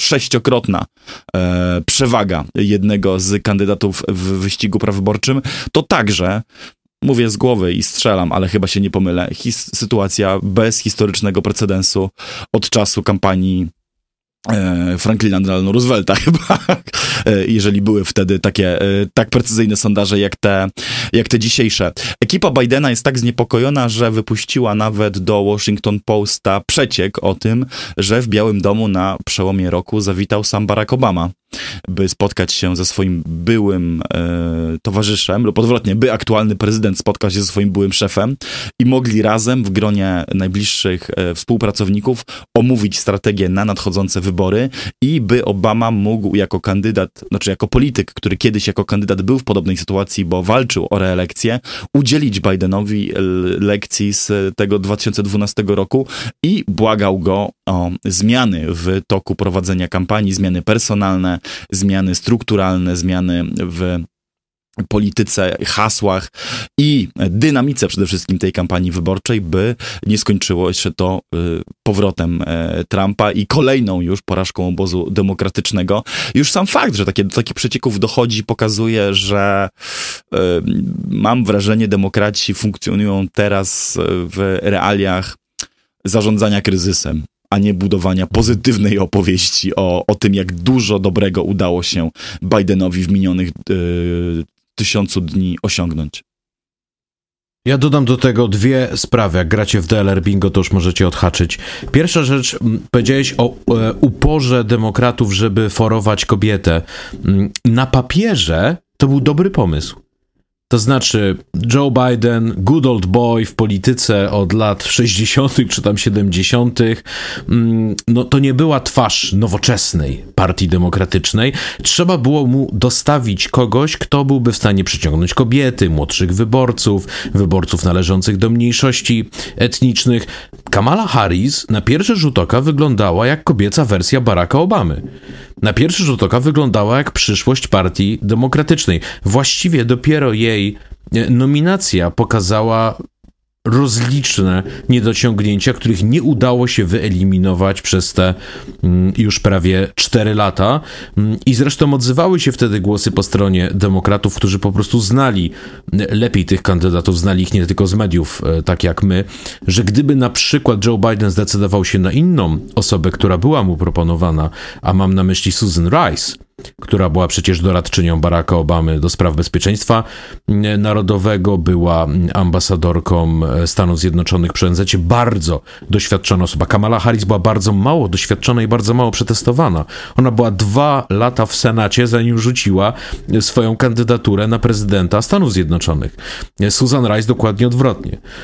I również była to kobieta, i również była to czarnoskóra kobieta. W związku z powyższym mogłaby odegrać tą samą rolę, jeżeli chodzi o przyciąganie głosów, co Kamala Harris, a mogłaby być nieskończenie bardziej sprawna, na przykład w toku debat, czy w toku o, windowania mm, gasnącej prezydentury Joe Bidena. No ale to już jest rozlane mleko i woda, która przepłynęła pod mostem, jak mówią e, Amerykanie. E, to już nie jest moment, żeby rozmawiać o Susan Rice. I druga sprawa, o której chciałem powiedzieć, jest jeszcze jeden problem, który demokraci mają. E, mam na myśli to, że niechybnie kandydat tak zwanej trzeciej partii, albo i czwartej partii, to będzie raczej kandydat, który uderzy w demokratę, aniżeli w republikanina. Po pierwsze, dr Cornel West mówi, że wystartuje i zawsze coś tam uszczknie, a pamiętajmy, że w swing states czasami to była naprawdę kwestia głosów liczonych w tysiącach, żeby ustalić, kto zagarnie dany stan, e, a kto nie. I Robert e, F. Kennedy Jr., zażartowałem, że on mógłby się wahać, czy startować traktować jako demokrata czy jako republikanin, no bo chociażby jego antyszczepionkowe poglądy, jego skłonność do teorii spiskowych sprawia, że trochę mi przypomina kandydatów z okolic Tea Party. E, w sumie to on mógłby razem z Marjorie Taylor Greene wspólnie utworzyć całkiem solidny tykiet. Mm, tylko jest jeden problem. W kogo będą uderzały na przykład reklamy, które on wykupi? A ma całkiem duże pieniędzy, e, które udało mu się pozyskać. Myślę, że będą uderzały w Bidena, a nie w Trumpa. Będą uderzały w obecnego prezydenta. E, a co za tym idzie, mm, Robert F. Kennedy będzie jeszcze jedną twarzą antybidenizmu, będzie jeszcze jednym głosem, e, który dociera do uszy Amerykanów, tłumacząc im, że z tym Bidenem to jest coś nie tak. Ale y, zanim zmienimy temat, to z kolei ja bym chciał teraz odbić piłkę w Twoją stronę e, i wyjaśnić e, na użytek naszych widzów, co tak naprawdę się stało w stanie Iowa i co się może jeszcze wydarzyć w New Hampshire i południowej Karolinie. No bo tyle opowiadaliśmy o tym, e, że Donald Trump ma swoje problemy prawne, tyle mówiliśmy o wadach tej kandydatury, a republikanie go kochają. Chyba od czasów Ronalda Reagana nie było polityka, który byłby tak powszechnie podziwiany E, na amerykańskiej prawicy i jeśli pozwolisz, to ja zaproponuję moją odpowiedź. Podziw, jaki republikanie mają względem Trumpa, paraliżuje jego kontrkandydatów. Żeby użyć porównania, które będzie natychmiast czytelne dla Polaków, to jest tak, jakby były prawybory w PiSie i trzeba byłoby wystartować przeciwko Jarosławowi Kaczyńskiemu. I wyobraźmy sobie tą scenę. No przecież stałby tam Mateusz Morawiecki i minister Błaszczak i premier Beata Szydło i przecież oni wszyscy wszyscy by tam stali, powtarzali, jakim genialnym przywódcą jest Jarosław Kaczyński i mamy nadzieję, że on wygra przeciwko nam. E, I liczyliby jedynie, że to wszystko to będzie casting, no, że dostaną stanowisko ministra, premiera e, czy inne istotne stanowisko, jeżeli za bardzo w toku walki z prezesem mu nie podpadną. No i tu mamy sytuację analogiczną. E, Vivek Ramaswamy to jest propozycja trumpizmu bez Trumpa. On mówi wszystko dokładnie to samo, co mówi Trump, jest trochę bardziej oczytany, trochę lepiej, ma, ma, bogatszy zasób słownictwa, to lepiej brzmi e, w ustach e, e, Ramasłamiego, natomiast tam nie ma żadnej oryginalnej treści, którą on by dorzucił od siebie. Mm, choć pamiętam, że jak pierwszy raz się z nim zetknąłem, czytając książkę Woke Incorporated, mm, to miałem wrażenie, że to będzie ciekawa postać. Taki mm, venture kapitalista, e, człowiek, który był donatorem, wrzucającym kasę zarówno demokratom, jak i republikanom, który mówi: e, Siedziałem w tym wszystkim, a teraz będę waszym insiderem, który wam opowie, jak to działa od środka. E, no, teraz ma być insiderem Donalda Trumpa, który bardzo chce zostać u niego kimś może wiceprezydentem, może ważnym pracownikiem jego administracji. E, Ron DeSantis to jest Trump bez charyzmy i Trump bez, e, bez poczucia humoru. E, Nikki Haley to jest coś innego, tylko to jest coś innego od Trumpa, a nie coś innego od partii republikańskiej. To znaczy, gdyby George W. Bush i Hillary Clinton mieli dziecko, to byłaby to Nikki Haley. Stuprocentowo establishmentowa kandydatka, neoliberalna w gospodarce, neokonserwatywna w polityce międzynarodowej. Lubią ją donatorzy i darczyńcy partii republikańskiej, no ale umówmy się, e, Ron DeSantis dostał 200 milionów dolarów i poparcie Fox News i nic mu to nie dało.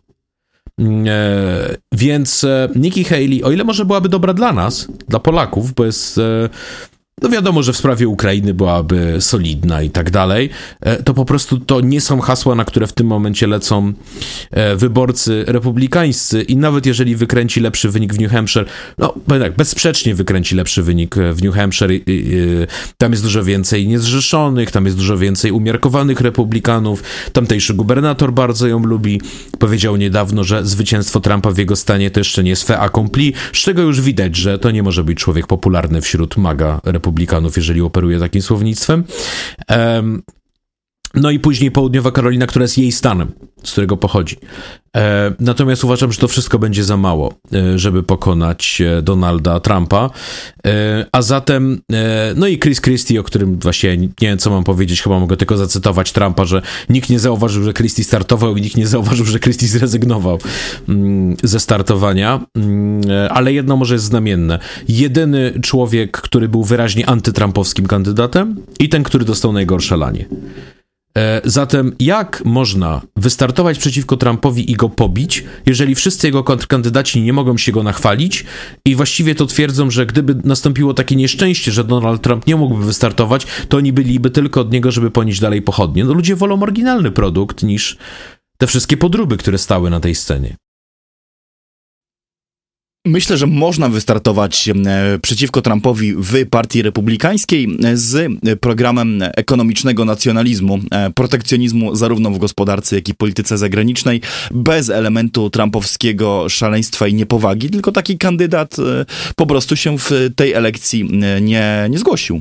To znaczy, wszyscy kandydaci, czy wszystkie przymiarki i próby stworzenia nowego e, Trumpa, e, ludu, e, nowego Trumpuna ludu e, w amerykańskim interiorze, takim jakim miał być chociażby J.D. Vance, e, skończyły się rzeczywiście połowicznym sukcesem, bo Vance'owi udało dostać się do Senatu, inni jego następcy już nie poradzili sobie tak dobrze, a żaden z nich nie odważył się rzucić rękawicy samemu mistrzowi w, na arenie wyborów prezydenckich i przez to nie mamy tak naprawdę porównania, jak wypadłby Trump z kimś, kto jest autentycznym narodowym, amerykańskim, prawicowym populistą. No to byłby wyścig, który oglądalibyśmy pewnie w równych proporcjach z przestrachem i, i fascynacją, e, ponieważ też wszyscy wiemy, że do programów gospodarczych Trumpa też się przywiązywać tak bardzo nie można. Mm, nie wiadomo, co on do końca zrobi i też na ile pozwoli mu aparat partii republikańskiej i w co on też sam jakby wierzy.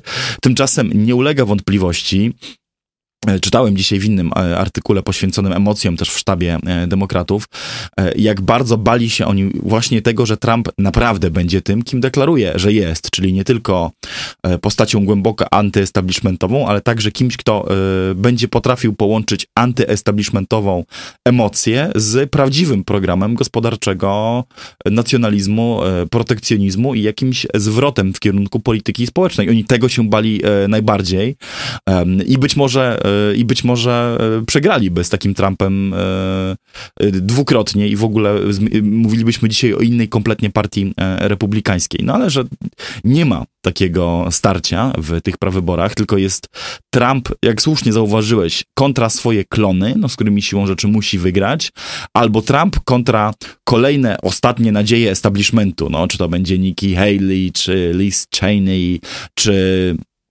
ktoś będący kolejnym e, wariantem e, Mita Romneya, e, to, e, to wiadomo, że z takimi kandydatami Trump musi wygrać, bo jeżeli jest coś, czego e, wyborca republikanów dzisiaj nienawidzi bardziej niż partii demokratycznej, to jest to partia republikańska wyborca republikanów nienawidzi swojego własnego establishmentu i w tym sensie spostrzeżenie i diagnoza Steve'a Bannona sprzed blisko dekady o tym, że należy prowadzić kampanię nie przeciwko partii demokratycznej, lecz przeciwko obydwu partiom głównego nurtu, moim zdaniem dalej pozostaje w mocy. E, ponieważ Amerykanie, którzy są skłonni zagłosować dzisiaj na kandydata partii republikańskiej, to są Amerykanie, którzy, którzy są rozczarowani całym politycznym e, establishmentem. jak zauważył kilka miesięcy temu, zresztą w ciekawej analizie nowych badań spo, społecznych e, Ross Dauchat, to jest też tak, że e, wyborca prawicy w ogóle w USA to jest człowiek o ciekawej konstrukcji, bo to jest człowiek, który zapytany, jak jemu żyje się osobiście, jakie ma relacje z rodziną, czy czuje się dobrze z bliskimi, czy jakoś mm, gospodarczo mu się coraz lepiej powodzi, czy, czy widzi wokół siebie oparcie, to paradoksalnie to jest człowiek, który powie, że tak. Tak, mam, mam, dobrze mi się wiedzie w rodzinie, mam fajny kościół, mam jakieś oszczędności, mam plan na siebie, mm, ale w ogóle generalnie to, to mi się wiedzie jako Ale to, na jako tym dobrze. samym oddechu dokrzyczy i to zawdzięczam wyłącznie sobie. Tak, ale zarazem też powie, e, ale w kraju, panie, tragedia. Tragedia, znaczy mi się wiedzie dobrze, ale w kraju tragedia, inflacja, antifa, Black Lives Matter, wokeizm, teraz hamasiary na kampusach, dramat, panie, znaczy to trzeba powstrzymać. Natomiast ja sam Tak, to a czy sobie w- tylko poradzę. powiem ci zabawną rzecz. The Young Turks robili wywiady na ludźmi, z ludźmi, którzy przyjechali mm, e, głosować w tych e, prawyborach. E, no i podchodzili szczególnie chętnie do tych, którzy mieli czerwone czapeczki mm, i do tych, którzy deklarowali siebie jako zwolennicy Trumpa. I zafascynowała mnie tam zwłaszcza jedna kobieta, która e, bardzo długo mm, mówiła o tym, e, że są ludzie, którzy chcą tylko brać, że są ludzie, którzy oczekują, że państwo coś im da, że to nie jest. To nie jest to, jak Amerykanie powinni myśleć o życiu i o wszystkim. I właściwie na tym samym oddechu powiedziała, że czuje się zdradzona przez establishment, bo odkąd była młodą dziewczyną, obiecują darmową służbę zdrowia i jej nie ma. Nie byłby to jedyny przykład paradoksu w tej kampanii, bo z drugiej strony demokraci mają odwrotną nieco konstrukcję psychiczną. To znaczy, o, gorzej im się powodzi, nie są pewni przyszłości, na pewno nie widzą wokół siebie oparcia w relacjach i instytucjach, ale mówią, nie, trzeba zacisnąć zęby i zagłosować za demokracją. Choćby mi miało być gorzej, to to, to, to jednak demokracja jest ważniejsza. To pokazuje y, tak naprawdę, jak w jakim sensie y, wszyscy głosują już trochę w poprzek swojego interesu y, klasowego i jak bardzo nieoczywiste są te, są te polityczne e, podziały. Bo być może, i tu połączę te dwa wątki, bo być może okaże się, że e, w kraju, gdzie przede wszystkim mm, niepokoje dotyczące y, własnego portfela, oszczędności, siły nabywczej pensji są głównym e, jakby tematem codziennych zmartwień, demokraci postanowią oprzeć kampanię wyborczą na demokracji i aborcji. Bo jest taki bardzo mocny nurt dzisiaj, który mówi, że... A bo aborcja im zagrała w wyborach Tak, stanowych, dokładnie, zdezelowali, dokładnie, dokładnie. zabrali chyba republikanom e, trzy stanowe izby reprezentantów na Tak. tym, na, I jest taki na, mocny na nurt, walce który o aborcję. mówi, że trzeba zrobić kampanię o jednym, o aborcji. Znaczy o, o dwóch rzeczach, o aborcji i demokracji. Chociaż trochę nierozłączne w tym, e, w tym e, ujęciu sprawy, który przedstawią demokraci. I jest to bardzo ciekawe bo, ciekawe, bo jest to pomysł idący niejako wbrew osobie, która ma być twarzą tej kampanii, czyli prezydentowi Joe Bidenowi, który na jednym ze spotkań z donatorami powiedział Mój problem w podejściu do aborcji w kampanii wyborczej jest jeden i y, polega on na tym, że jestem wierzącym, praktykującym katolikiem. Stąd nie będę najlepszą twarzą e, kampanii wyborczej opartej na postulacie liberalizacji prawa aborcyjnego, nawet jeżeli to jest coś, co z badań wychodzi e, jako najbardziej, najpewniejszy sposób do, e, do uzyskania re- reelekcji, choć wokół tego trwa oczywiście spór. E, I tu będę powoli zamykał ten temat, ale tu, i tu trwa spór. Demokraci podzieleni są na dwa obozy. Jeden mówi, że głównie aborcja i, i naj, najpewniejszy temat, czyli, czyli to, co już raz zagrało. Drugi obóz mówi właściwie coś nie aż tak odmiennego. Mówi powtórka z 2020. Być kandydatem kontynuacji, być kandydatem spokoju, być kandydatem zgody i granie, że wystarczająco dużo ludzi w porę odstraszy trumpowski chaos. Nie wdając się w szczegółową analizę obydwu tych propozycji, powiem tyle. Znaczy, żadna z nich nie brzmi dla mnie jak um, wyśmienita strategia wyborcza. Znaczy, albo robić, liczyć na powtórkę sprzed czterech lat, albo powiesić się na mm, jednym, jednym postulacie, czy jednej opowieści, która już raz się sprawdziła w wyborach uzupełniających, znaczy w midterms w połowie kadencji i mieć nadzieję, że stanie się to po raz drugi. Ale jest też szerszy problem z tym, co się dzieje. Otóż w ogóle, bo mało poświęciliśmy czasu temu ja poświęciłem temu mało czasu. Czy Biden powinien zrezygnować, na ile to jest realistyczne, o czym my tu tak naprawdę rozmawiamy. Trochę rozmawiamy o tym, że ta prezydentura, choć udało się wiele osiągnąć Bidenowi w polityce krajowej, jest już dzisiaj prezydenturą, która, jest, która opiera się na pewnym zakładzie prezydenta Bidena i jest to zakład błędny. Otóż Biden dzisiaj popiera szereg złych polityk, czy złych rozwiązań, tylko dlatego, że w jego przekonaniu Trump prowadziłby politykę jeszcze gorszą. No i to jest na przykład bezwarunkowe wsparcie dla e, Izraela, które dużo demokratów dzisiaj kosztuje. To jest presja na e, wygaszenie tematu Ukrainy przed wyborami, która, która z kolei nie kosztuje wiele demokratów, no ale z punktu widzenia jakiegoś szerszego horyzontu jest bardzo, bardzo niebezpieczna. E, to jest to jest wiele innych tematów, które, no to jest na przykład w ogóle cała polityka bliskowschodnia też i stosunek do porozumień abrahamowych i um, relacji z Arabią Saudyjską to jest. E, A Trump w każdej z tych kwestii może wyjść na mównicę i powiedzieć: Ja rozwiązałbym ten problem w 24 godziny, albo ten problem w ogóle by nie zaistniał, gdybym tak. był prezydentem, bo Huti nie odważyliby się wystrzelić pocisku w amerykański okręt. Oni po prostu wiedzą, że Biden jest słaby, więc sobie na to pozwalają i jego elektorat to kupuje. Tak, ale w jakimś sensie, wiesz, w jakimś sensie to nie jest nieprawdziwy message wyborczy. Czy gdy Trump wychodzi i mówi, że za moich czasów Rosja bała się zaatakować Ukrainę, no to na jakimś bardzo fasadowym poziomie on nie mówi nieprawdy. To znaczy, tak? Albo gdy mówi, że za moich czasów talibowie nie rządzili w Kabulu, i on oczywiście mówi rzeczy bardzo powierzchowne, bo to dokładnie e, polityka e, wycofywania się z Afganistanu na zasadach, które zaproponował Trump, ostatecznie dała podwaliny do tego, żeby talibowie wrócili do Kabulu, co być może było także nieuchronne i wydarzyłoby się niezależnie od tego, kto by rządził, no ale Trump może powiedzieć, że on umywa ręce, tak? to, to nie była jego rzecz. Tak samo jak polityka, którą on zainicjował, czyli polityka porozumień abrahamowych i normalizacji relacji saudyjsko-izraelskich, jest jednym w ogóle z zarzewi dzisiejszej wojny na Bliskim Wschodzie. Znaczy, to on, to ta polityka również była motorem, który e, prawdopodobnie przyspieszył atak Hamasu na Izrael i w ogóle stworzył dynamikę międzynarodową, która dzisiaj prowadzi do eskalacji.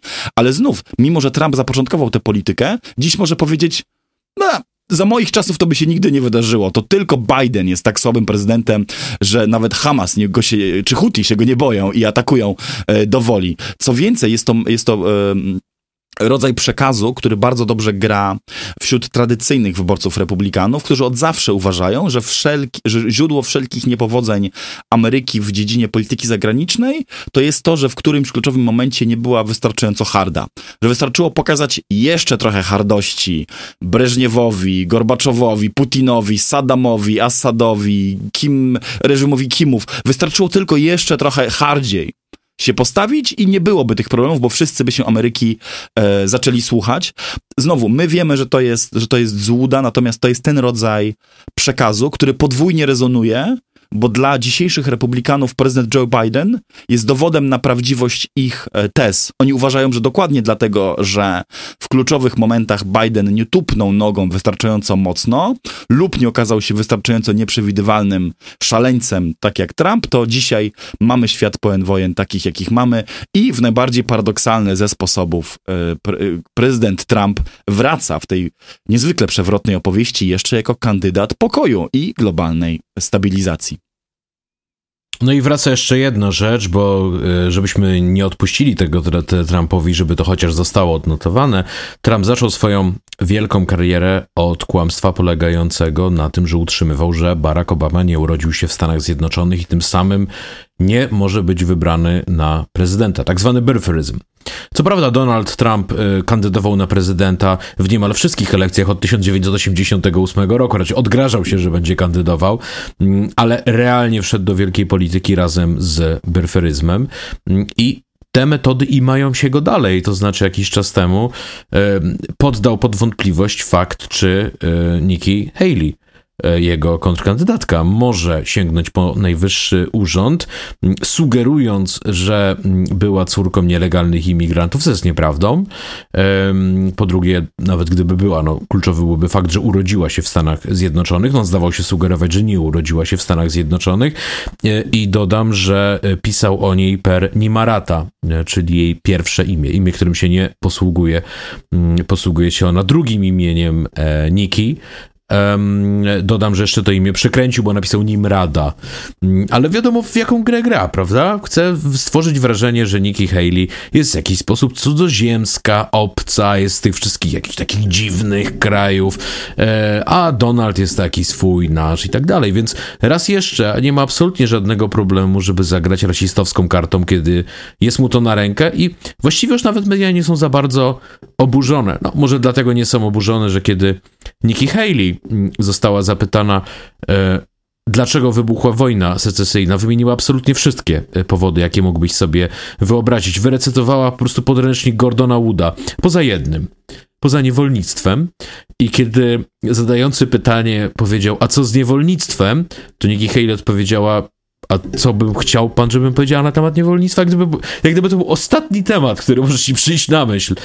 I rozumiem, że jeżeli używasz bardzo wysublimowanych argumentów, to oczywiście, że tam był problem nulifikacji, praw stanu, odmiennych modeli gospodarczych. Gdyby chodziło wyłącznie o niewolnictwo, to armia Konfederacji byłaby armią złożoną z samych oficerów, prawda? Ludzie, którzy nie mieli niewolników, nie, nie umieraliby za nią. Co jednak nie zmienia faktu, że na dnie każdego problemu chociażby na dnie problemu praw stanów było co?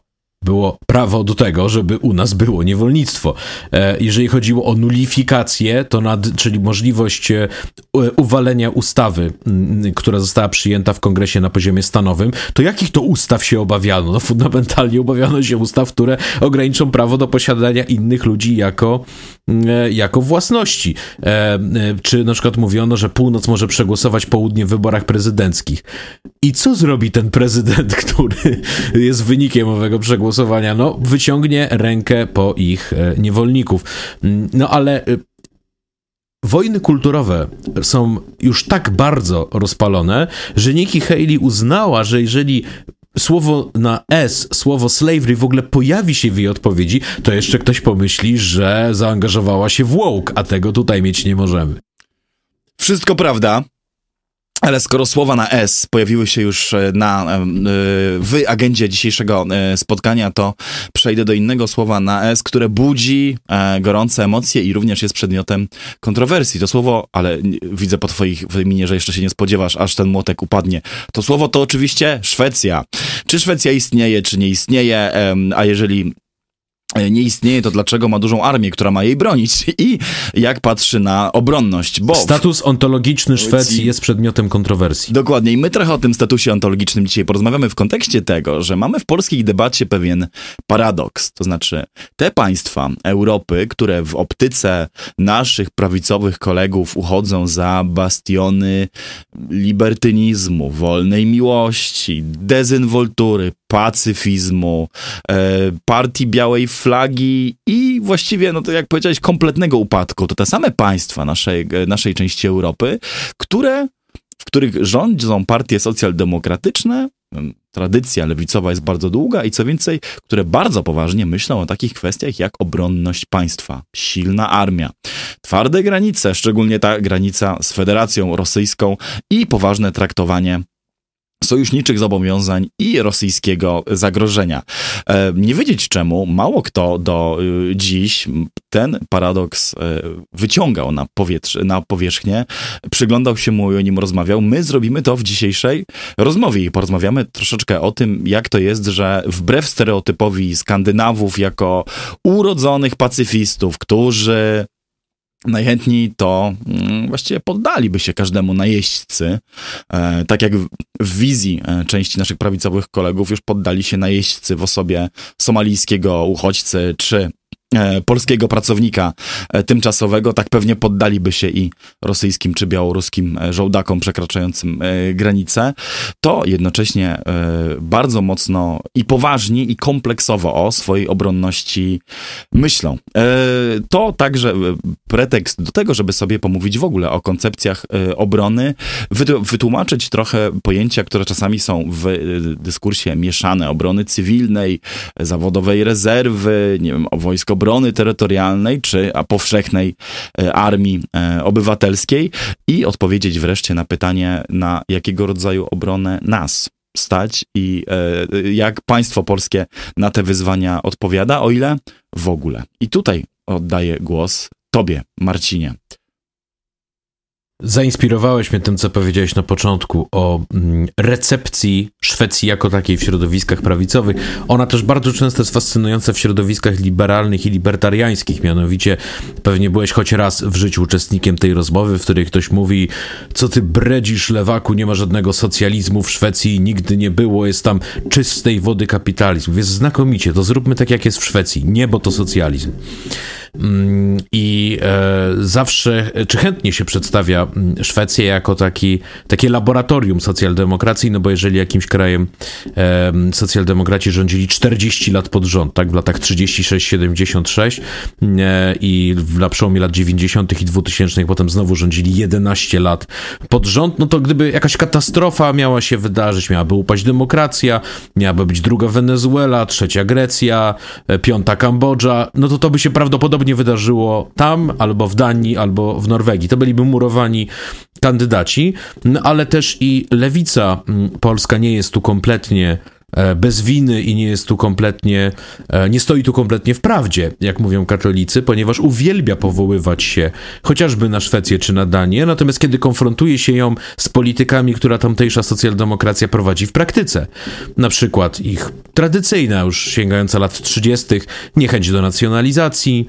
mm, dość specyficzne rozumienie państwa dobrobytu, to znaczy na przykład model flexicurity duński, gdzie relatywnie łatwo kogoś zwolnić, ale dostaje bardzo wysokie i hojne mm, świadczenia przez ten czas, kiedy e, szuka pracy, przywiązanie do państwa narodowego, przywiązanie do waluty narodowej, czy wreszcie przywiązanie do armii z poboru, do posiadania e, własnej zbrojeniówki i tak dalej, to to lewicy już się nie podoba. No więc tu pytanie brzmi, na ile, e, na ile ona z kolei zmaga się ze Szwecją realnie istniejącą, a na ile z pewną fantazją na temat Szwecji. No ale my się tu spotkaliśmy, żeby porozmawiać o obronności, więc ja, żeby tą rozmowę wyprowadzić, zacznę od skonstatowania pewnej e, oczywistości, mianowicie Szwedzi, bez względu na to, czy są socjaldemokratami, liberałami, konserwatystami, e, czy też czy należą do partii, która moim zdaniem ma nazwę najlepiej wpisującą się w koniec historii, umiarkowana partia koalicyjna,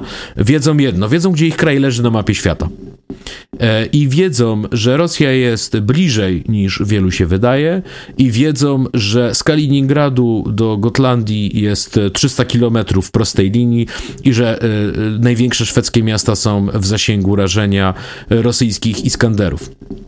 W związku z powyższym Szwecja rozumiejąc to i znając własną historię, Szwecja między XII a XIX wiekiem stoczyła z Rosją 11 wojen. Mm, Szwecja w 1981 roku znalazła się w stanie bardzo wielkiego napięcia ze Związkiem Sowieckim, kiedy okręt podwodny uzbrojony w broń nuklearną e, S-363 naruszył szwedzkie wody terytorialne, po czym e, przyłożył w skały i się zepsuł. I e, Rosjanie, no, nie mogąc ryzykować tego, że na przykład stracą okręt uzbrojony w broń atomową, e, wysłali całą grupę uderzeniową złożoną z niszczycieli, korwet, fregat i tak dalej. No i teraz ta grupa uderzeniowa pod dowództwem kontradmirała Kalinina naruszyła, mm, naruszyła szwedzkie wody terytorialne. No i Szwedzi co mieli robić? Wysłali własną marynarkę wojenną im na spotkanie. E, I kiedy dowódca tego oddziału, mając już Rosjan na wprost siebie, zapytał się szwedzkiego premiera, co mamy robić. Premier odpowiedział: bronić granicy. Więc sytuacja była nieprawdopodobnie napięta, zwłaszcza, że rosyjscy marynarze na tym okręcie podwodnym otrzymali rozkaz, że gdyby Szwedzi próbowali go zająć, to mają zdetonować te bomby atomowe w pobliżu Karlskrony. E, I teraz, gdyby ktoś powiedział, panie, to było tam w latach 80. E, i tego typu akcje z filmu Polowanie na Czerwony Październik już nie mają miejsca, to przypomnę, że rosyjski okręt zdolny wystrzeliwywać pociski nuklearne e, naruszył szwedzkie wody terytorialne w roku 2014. I Rosjanie prowokowali Szwecję ćwiczeniami wojennymi także i w roku 17, no a już po agresji rosyjskiej przeciwko Ukrainie w ogóle mm, żarty się skończyły. Więc Szwedzi, będąc świadomi tego wszystkiego, e, mają po pierwsze bardzo dobry własny przemysł zbrojeniowy. Oni nie muszą kupować e, absolutnie wszystkiego w Stanach Zjednoczonych, Korei i gdzie tam jeszcze. Oni są w stanie wyprodukować Boforsy, Gripony i kawał innego bardzo wysublimowanego e, sprzętu, e, a na to chyba też jest dobry socjaldemokratyczny argument, prawda? Mamy swoje, mamy własne, wspieramy wspieramy, wspieramy własnych e, producentów i, i, e, i, że tak powiem, budżetówkę naszą, a nie wspieramy producentów amerykańskich czy koreańskich. Po drugie, e, Szwecja miała do 2010 roku i przywróciła w roku 17 pobór do wojska, częściowy pobór, nie podlegają mu wszyscy, podlegają ochotnicy, podlegają ludzie wylosowani, podlegają ci, którzy wreszcie nadają się do tego. No i mają trzecią rzecz, mają znakomicie przygotowaną obronę cywilną, mają osobnego ministra, który za to odpowiada, mają szereg instytucji i agent rządowych, które to wspierają i mają swoją doktrynę obrony totalnej. Idealne przeciwieństwo tego, co kochają powtarzać nasi liberałowie, prawicowi czy lewicowi, że państwa bronić mają zawodowcy. Nie, Szwedzi mówią, państwa bronić mają absolutnie wszyscy. I i zgodnie z ich doktryną e, przedsiębiorcy mają swoją rolę, NGOsy mają swoją rolę, samorządy mają swoją rolę, Straż Pożarna, Policja, Wojska Obrony Terytorialnej, e, ratownictwo medyczne, wszyscy mają swoją rolę na wypadek wojny i wszyscy tworzą jeden wielki e, łańcuch, który ma szwedzką granicę zabezpieczyć. To ja od razu powiem jedną ważną rzecz, bo o ilekroć Marcin mówi e, słowo pobór e, albo armia poborowa, to e, internetowy komentariat e, dokonuje autodetonacji i krzyczy, że tutaj le, lewicowy albo pseudo-lewicowy podcast jest zwolennikiem e, brania ludzi masowo do wojska i wcielania ich przemocą do, do armii i tworzenia e, pobor poborowej. I kazania im mierzyć zapałką tak. korytarza i szukać Radia Maryja kurkiem od kaloryfera, a jak nie znajdą, to będą musieli śpiewać całą noc kolendy. Tak, to o ile nie wiem, jakie jest Marcina zdanie w tym temacie, to powiem, że moje jest, e, moje jest takie, że armii poborowej w takim wydaniu, jakiego boją się dzisiaj fajnopolacy, to w ogóle nie potrzebujemy, skoro nie potrzebujemy jej też na przykład Finowie, których e, siły e, lądowe liczą, nie wiem czy wiesz, 17 tysięcy chłopa chyba w kraju, owszem mniejszym niż nasz, ale jednak mimo wszystko 6-milionowym. Natomiast na pewno, jeżeli czegoś potrzebujemy, to kompleksowego myślenia myślenia o tych różnych rodzajach e, obrony, czy to cywilnej, czy to e, zawodowej, e, czy licznej rezerwy, którą można łatwo powołać, to znowu wzorzec e, fiński, e, czy e, tej totalnej z udziałem najróżniejszych sektorów państwa lub jeszcze innych wywodzących się z takich bardziej mm, powiedziałbym, cywilnych tradycji, e, mówiących o, o, o mobi powszechnej mobilizacji w ogóle wszystkich sektorów e, do obrony mm, państwa. O to możemy się spierać, jakie tu, są, jakie tu są proporcje, natomiast ja uważam, że w Polsce potrzebujemy kilku tych wariantów wcielanych jak naj, najlepiej już od zaraz, yy, z których będzie to kompleksowy pomysł oparty na więcej niż jednym filarze. Przepraszam, że brzmi trochę jak polityk w kampanii wyborczej, już mówię, co mam na myśli. Mam na myśli to, że pomysł istnienia zawodowej i bardzo dofinansowanej armii w Polsce już jest. Wdrażał go minister Błaszczak, będzie, jak się wydaje, kontynuował minister Kosiniak-Kamysz. Tu e, trudno byłoby po, po, po, porwać się na zawracanie już tego istniejącego nurtu. Natomiast to, czego nam zdecydowanie brakuje, to powtórzę się, nie armii y, kilku milionów średnio przygotowanych, uzbrojonych i wyszkolonych poborowych, jak w szczytowym e, PRL-u, lecz raczej e, twardego państwowego namysłu nad tym, jak powinna wyglądać świadomość cywili na okoliczność zagrożenia i jak sobie mają oni radzić. I tu myślę o tym filarze obrony cywilnej oraz jak przeszkolić e, dużo ludzi, którzy w razie zagrożenia będą wiedzieli, jak się zachować i jak sięgnąć za broń. I tu myślę raczej o tym komponencie licznej, łatwej do zmobilizowania e, rezerwy.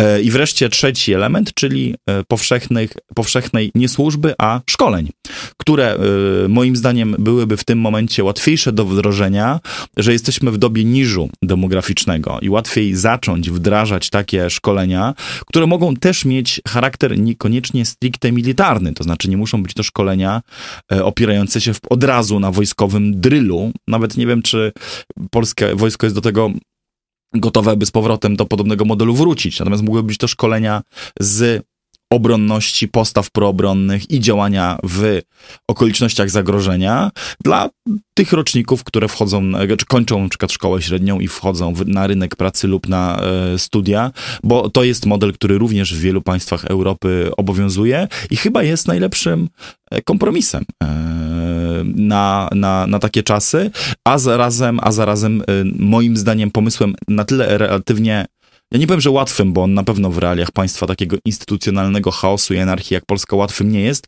ale o tyle relatywnie łatwiejszym, że dziś mówimy o konieczności przeszkolenia czy wdrażania roczników dużo mniej licznych niż te nasze, na przykład lat 80., a zatem wiązałoby się to początkowo przynajmniej z mniejszymi wyzwaniami logistycznymi, finansowymi i instytucjonalnymi dla państwa polskiego. Zatem powtórzę, kilka filarów, powszechna świadomość obronna, choć niekoniecznie powszechna służba i przekonanie o tym, że jest to zadanie dla całego państwa i jego instytucji, a niekoniecznie fantazja o tym, że zrobimy z Polski nagle, znaczy z polskiego społeczeństwa nagle w przeciągu paru lat naród militarystów, w którym każdy potrafi strzelać, posługiwać się bronią, znać się na uzbrojeniu i jeszcze być może obsługiwać tego Himarsa lub inną wyrzutnię stojącą na dachu bloku, bo to jest moim zdaniem pewnego rodzaju mrzonka, która ma kompleks kompensować pewnego rodzaju zaniedbania.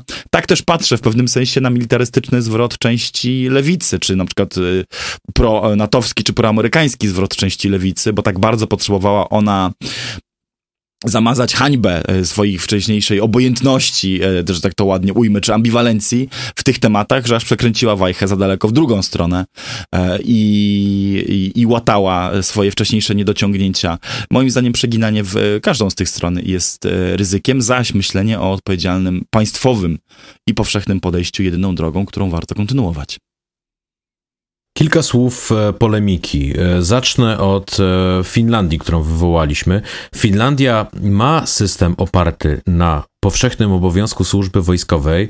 Finlandia przeszkala 27 tysięcy rezerwistów rocznie i 80% mężczyzn w Finlandii powyżej 18 roku życia przeszło mm, służbę wojskową. Natomiast jaka to była służba zależy od kilku czynników.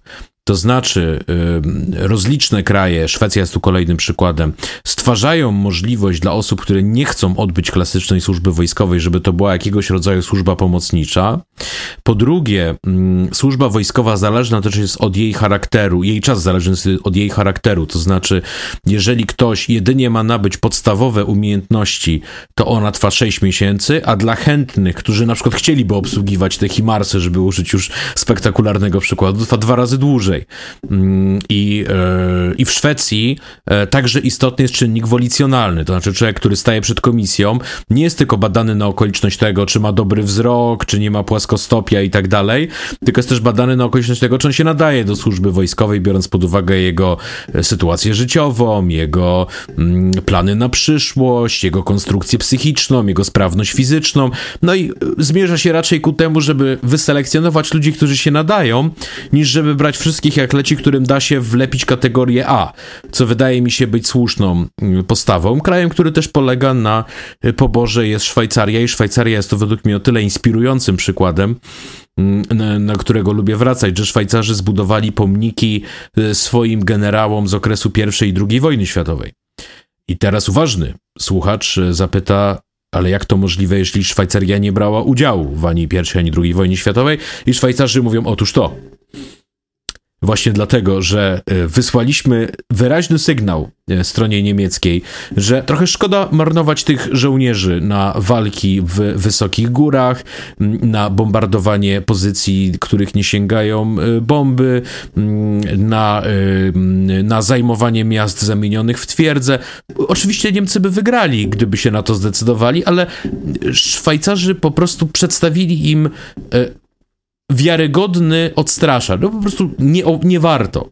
E, I to czasami w przypadku kraju mniejszego, a słabszego jest szczyt tego, co można uzyskać. Oczywiście obok tego że walcząc ramię w ramię z dużo potężniejszymi sojusznikami, można by się było wybronić. No i teraz posiadanie mm, e, rocznika po roczniku przeszkolonego wojskowo jest mocnym argumentem e, w, w strategii odstraszania. No tak, bo ja wciąż nie wiem, gdzie jest ta to, polemika. Mhm. Ja tylko powiedziałem, no zrozumiałem że twoją, nie Bo zrozumiałem twoją wypowiedź mhm. tak, że, że y, sam pobór do wojska jako taki e, byłby krokiem idącym nazbyt daleko i że należałoby go dale, w sposób daleki zrelatywizować, na przykład, żeby dotyczył relatywnie niewielkiej części ludzi, a żeby dużej części dotyczyły szkolenia. No to ja bym tu tylko tu użył argumentu, że pobór ma tą przewagę nad szkoleniami, że na wypadek wojny pełnoskalowej jednak dostarcza ci ogromnej ilości dobrze przeszkolonych rezerwistów, a nie rezerwistów, którzy wpadli na tydzień, nauczyli się czytać mapy i wystrzelili parę nabojów, ale na przykład ich poziom e, przygotowania po roku, dwóch, trzech, że nie powiem dziesięciu, no się właściwie już zeruje. Okej, okay, rozumiem. Rozumiem. Ja tylko powiedziałem, że Finlandia no właśnie dlatego nie musi utrzymywać e, liczebnej armii w czasach pokoju, bo ma tych e, rezerwistów. Tymczasem Polska w dzisiejszym kształcie, czy tych tak, planów ma, ma mieć ma... ogromną armię dokładnie. zawodową, a nie mieć przeszkolonych rezerwistów, dokładnie. to prawda. O to tak. mi, więc... Tu pełna zgoda. Tu moim zdaniem nie ma polemiki, ale dobra, ja, widzisz, ale ja pójdę dalej, bo ludzie spodziewają się po nas tutaj typowego e, DLR-owego banału, do którego już zdążyliśmy ich przyzwyczaić, że no, Skandynawia tak, pobór tak, tutaj Marcin zawsze przypomni, że nie jest pacyfistą, ja przypomnę, że jestem, ale takim nieoczywistym. Ja poza ten banał chcę trochę wyjść i powiedzieć kilka też rzeczy bardziej kontrowersyjnych. Po pierwsze, wydaje mi się, że pierwszą przeszkodą w Polsce dla skutecznej obrony państwa nie byłby brak e, sprzętu, ani nawet e, brak ludzi zdolnych e, z tych pukawek strzelać, lecz wbudowywana w nas przez 30 lat antypaństwowa i antyspołeczna postawa, która mówi, że granice tego, co warto bronić, kończą się na własnym płocie, o ile nie na koniuszku własnego nosa. I że to jest fundamentalny problem. I ja to zaobserwowałem w tym, jak bardzo zarazem szybki, a powierzchowny był zryw pomocy Ukrainie, i tu też będzie druga dygresja bolesna. W ogóle nie kupuję argumentu straszenia Rosją. To znaczy, jeżeli ludzi nie przestraszyła Rosja dokonująca rzezi w Ukrainie, to argument, że musimy się bronić, bo Rosja jest blisko, po prostu nie działa. Znaczy, bo jeżeli już nawet zobaczyliśmy to, co się dzieje w momencie rosyjskiej inwazji i to nie przekonało e, znaczącego i znaczącej części społeczeństwa polskiego do zmiany postaw, to wątpię, żeby jakakolwiek inna kampania informacyjna lub ulotkowa, którą można byłoby tu zrobić, na zasadzie, kochani, idzie wojna z Rosją, szykujcie się, mogła zdziałać dużo więcej.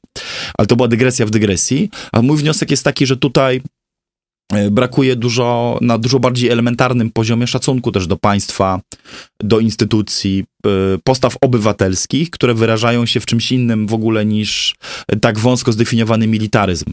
To znaczy, my nie potrzebujemy ludzi, którzy będą e, wszemi wobec krzyczeć, że chcą umierać za ojczyznę i chcą się bić i e, e, umierać w okopach. E, warto byłoby mieć chociaż ludzi, którzy powiedzą, że dla nich ta ojczyzna, to państwo jest wartością, albo że lokalna wspólnota jest wartością, że warto się do czegoś poświęcić, warto czasami wyjść poza własny, własny egoistycznie zdefiniowany interes i coś dla tej wspólnoty zrobić, warto rozwijać współpracę lokalną, e, która przygotowuje w ogóle do podobnych wyzwań, nie? I czy to będzie wspólnota o charakterze klubu sportowego, czy klubu strzeleckiego, czy grupy rekonstrukcji historycznej, czy e, lewicowego klubu dyskusyjnego i książkowego, to jest jakby drugorzędne, ale istotne jest to, że, że w ogóle trzeba czasami postawić coś ponad własny egoizm.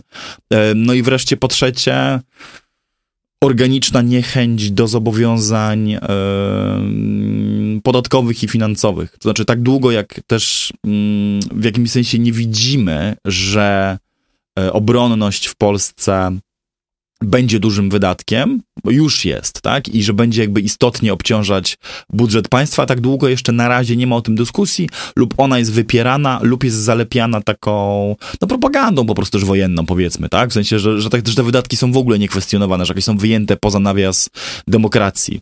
Mnie bardzo bawiło, że opozycja, jak jeden mąż, zagłosowała za ustawą o obronie ojczyzny, no bo uznała, że to jest coś, co po prostu fundamentalnie trzeba zrobić, a w, każdym, w każdej innej dziedzinie sabotowała działania PiSu.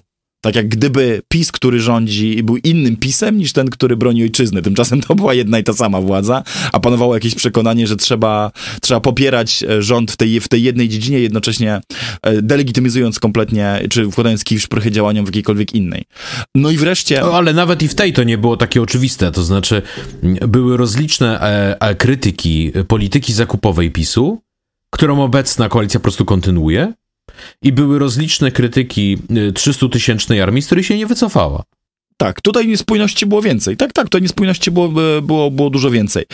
E, stąd tu będę kończył. Powiem, to pierwsza z moich kontrowersyjnych, czy może jakby wychodzących trochę poza oczywistości tez, że nie, znaczy, że jestem za większą świadomością obronną i większy i, i w ogóle upowszechnieniem szkoleń e, i nowymi też formami. Tu w tym sensie na przykład naprawdę szacunek dla ministra Błaszczaka za tą dobrowolną służbę 28-dniową, która kończy się w ogóle przysięgą, nadaniem stopnia i jest, jakby uchodzi za pełnoprawny rodzaj przeszkolenia wojskowego, tak? E, I jestem także za upowszechnianiem takich rzeczy, natomiast y, uważam, że pierwszym krokiem tutaj i w tym sensie należy tego też bronić z lewicowej, czy socjaldemokratycznej, czy propaństwowej perspektywy, jest zbudowanie sprawności i wyporności państwa oraz, przekona- oraz postaw e, prowadzących do chęci obrony tego państwa, zanim kupimy rekordową na świecie ilość koreańskich armatochaubic, czołgów, wyrzutni rakietowych, bo skończymy inaczej jak Arabia Saudyjska, która kupi... nie wiem dlaczego ta Arabia Saudyjska wraca tak często w moich wypowiedziach, to jest pytanie dla może terapeuty albo hipnotyze- hipnotyzera albo spowiednika, ale faktem jest, że Arabia Saudyjska zrobiła trochę coś, o czym też polskie elity czasami marzą. Mianowicie kupiła dużo patriotów i następnie za pomocą tych baterii Patriot zestrzeliwała każda rzecz, każdą rzecz, która nadlatywała ze strony e, Jemenu. Znaczy, jeżeli e, 16-letni Houthi wystrzelił kamień z procy w kierunku granicy saudyjskiej, no to ci już odpalali, żartuję troszeczkę, tylko trochę, odpalali baterię Patriot i zestrzeliwywali to, co zleciało z Jemenu. Skończyło się to tak, że wystrzelali się ze wszystkich rakiet, po prostu. Y, bardzo drogich, kosztownych, nie mieli czym ich uzupełnić. Ich instalacje y, cywilne pozostały bez ochrony, a sprawnego, a sprawnej mm, obrony przeciwlotniczej, zmobilizowanej fachowej armii e, i e, Korpusu Obrony Cywilnej, ludzi, którzy byliby w stanie jakoś się z tym wyzwaniem zmierzyć, jak nie zbudowali, tak nie zbudowali. I dalej e, mieli, trochę z tego wychodzą teraz, ale przez wiele lat mieli armię najemną, E, z autochtoniczną kadrą oficerską e, specjalistów, nie, nie przetestowanych zresztą z prawdziwym kryzysem. Znaczy, to jest droga e, niewarta powtórzenia. Obstawienie się dookoła granic kraju najnowocześniejszymi rakietami, z których człowiek wystrzela się w pierwszym dniu konfliktu, a nie zadbanie o podstawy tej obrony w całym społeczeństwie.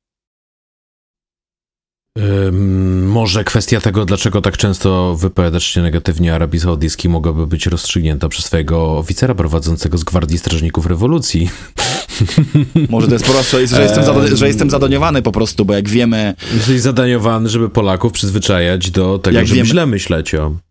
E, Arabii Saudyjskiej. Tak, tak, tak, dokładnie, bo wiedzą, że, na, wiedzą, że polskie media i szczególnie niszowe podcasty w Polsce są kluczowym frontem walki informacyjnej o narrację po prostu. No, ja myślę, że Ayatollahowie są cierpliwi i grają w długą grę. Wiedzą, że inwestycja w ciebie dzisiaj zwróci im się dziesięciokrotnie jutro. Czyli chcesz powiedzieć, że to um, jest ten gramsizm, o którym nic nie zrobiłeś? Że to jest, to ta, to, jest, to jest ten marsz przez instytucje. E, natomiast już mówiąc zupełnie e, poważnie. A ty myślisz, że dlaczego ten patronat które... tak się kręci? Wiesz, jaki jest no to ja świetny wiem, sposób omijania sankcji? pieniędzmi stoi. Wiesz, jaki to jest świetny sposób omijania sankcji, wiesz, przelewania tego do Europy? wiesz, inshallah, nikt się nie dowie, no i tak jeszcze pociągniemy z no, wiesz, rok, dwa. Oś, oś oporu, która biegnie, wiesz, Teheran, Jemen, Irak, Liban. Muranów. E, zakręca przez Muranów. E, w, w szyicki półksiężyc jest dużo bardziej zakręcony niż wam się Dokładnie, wydaje. kończy się na Nowolipkach.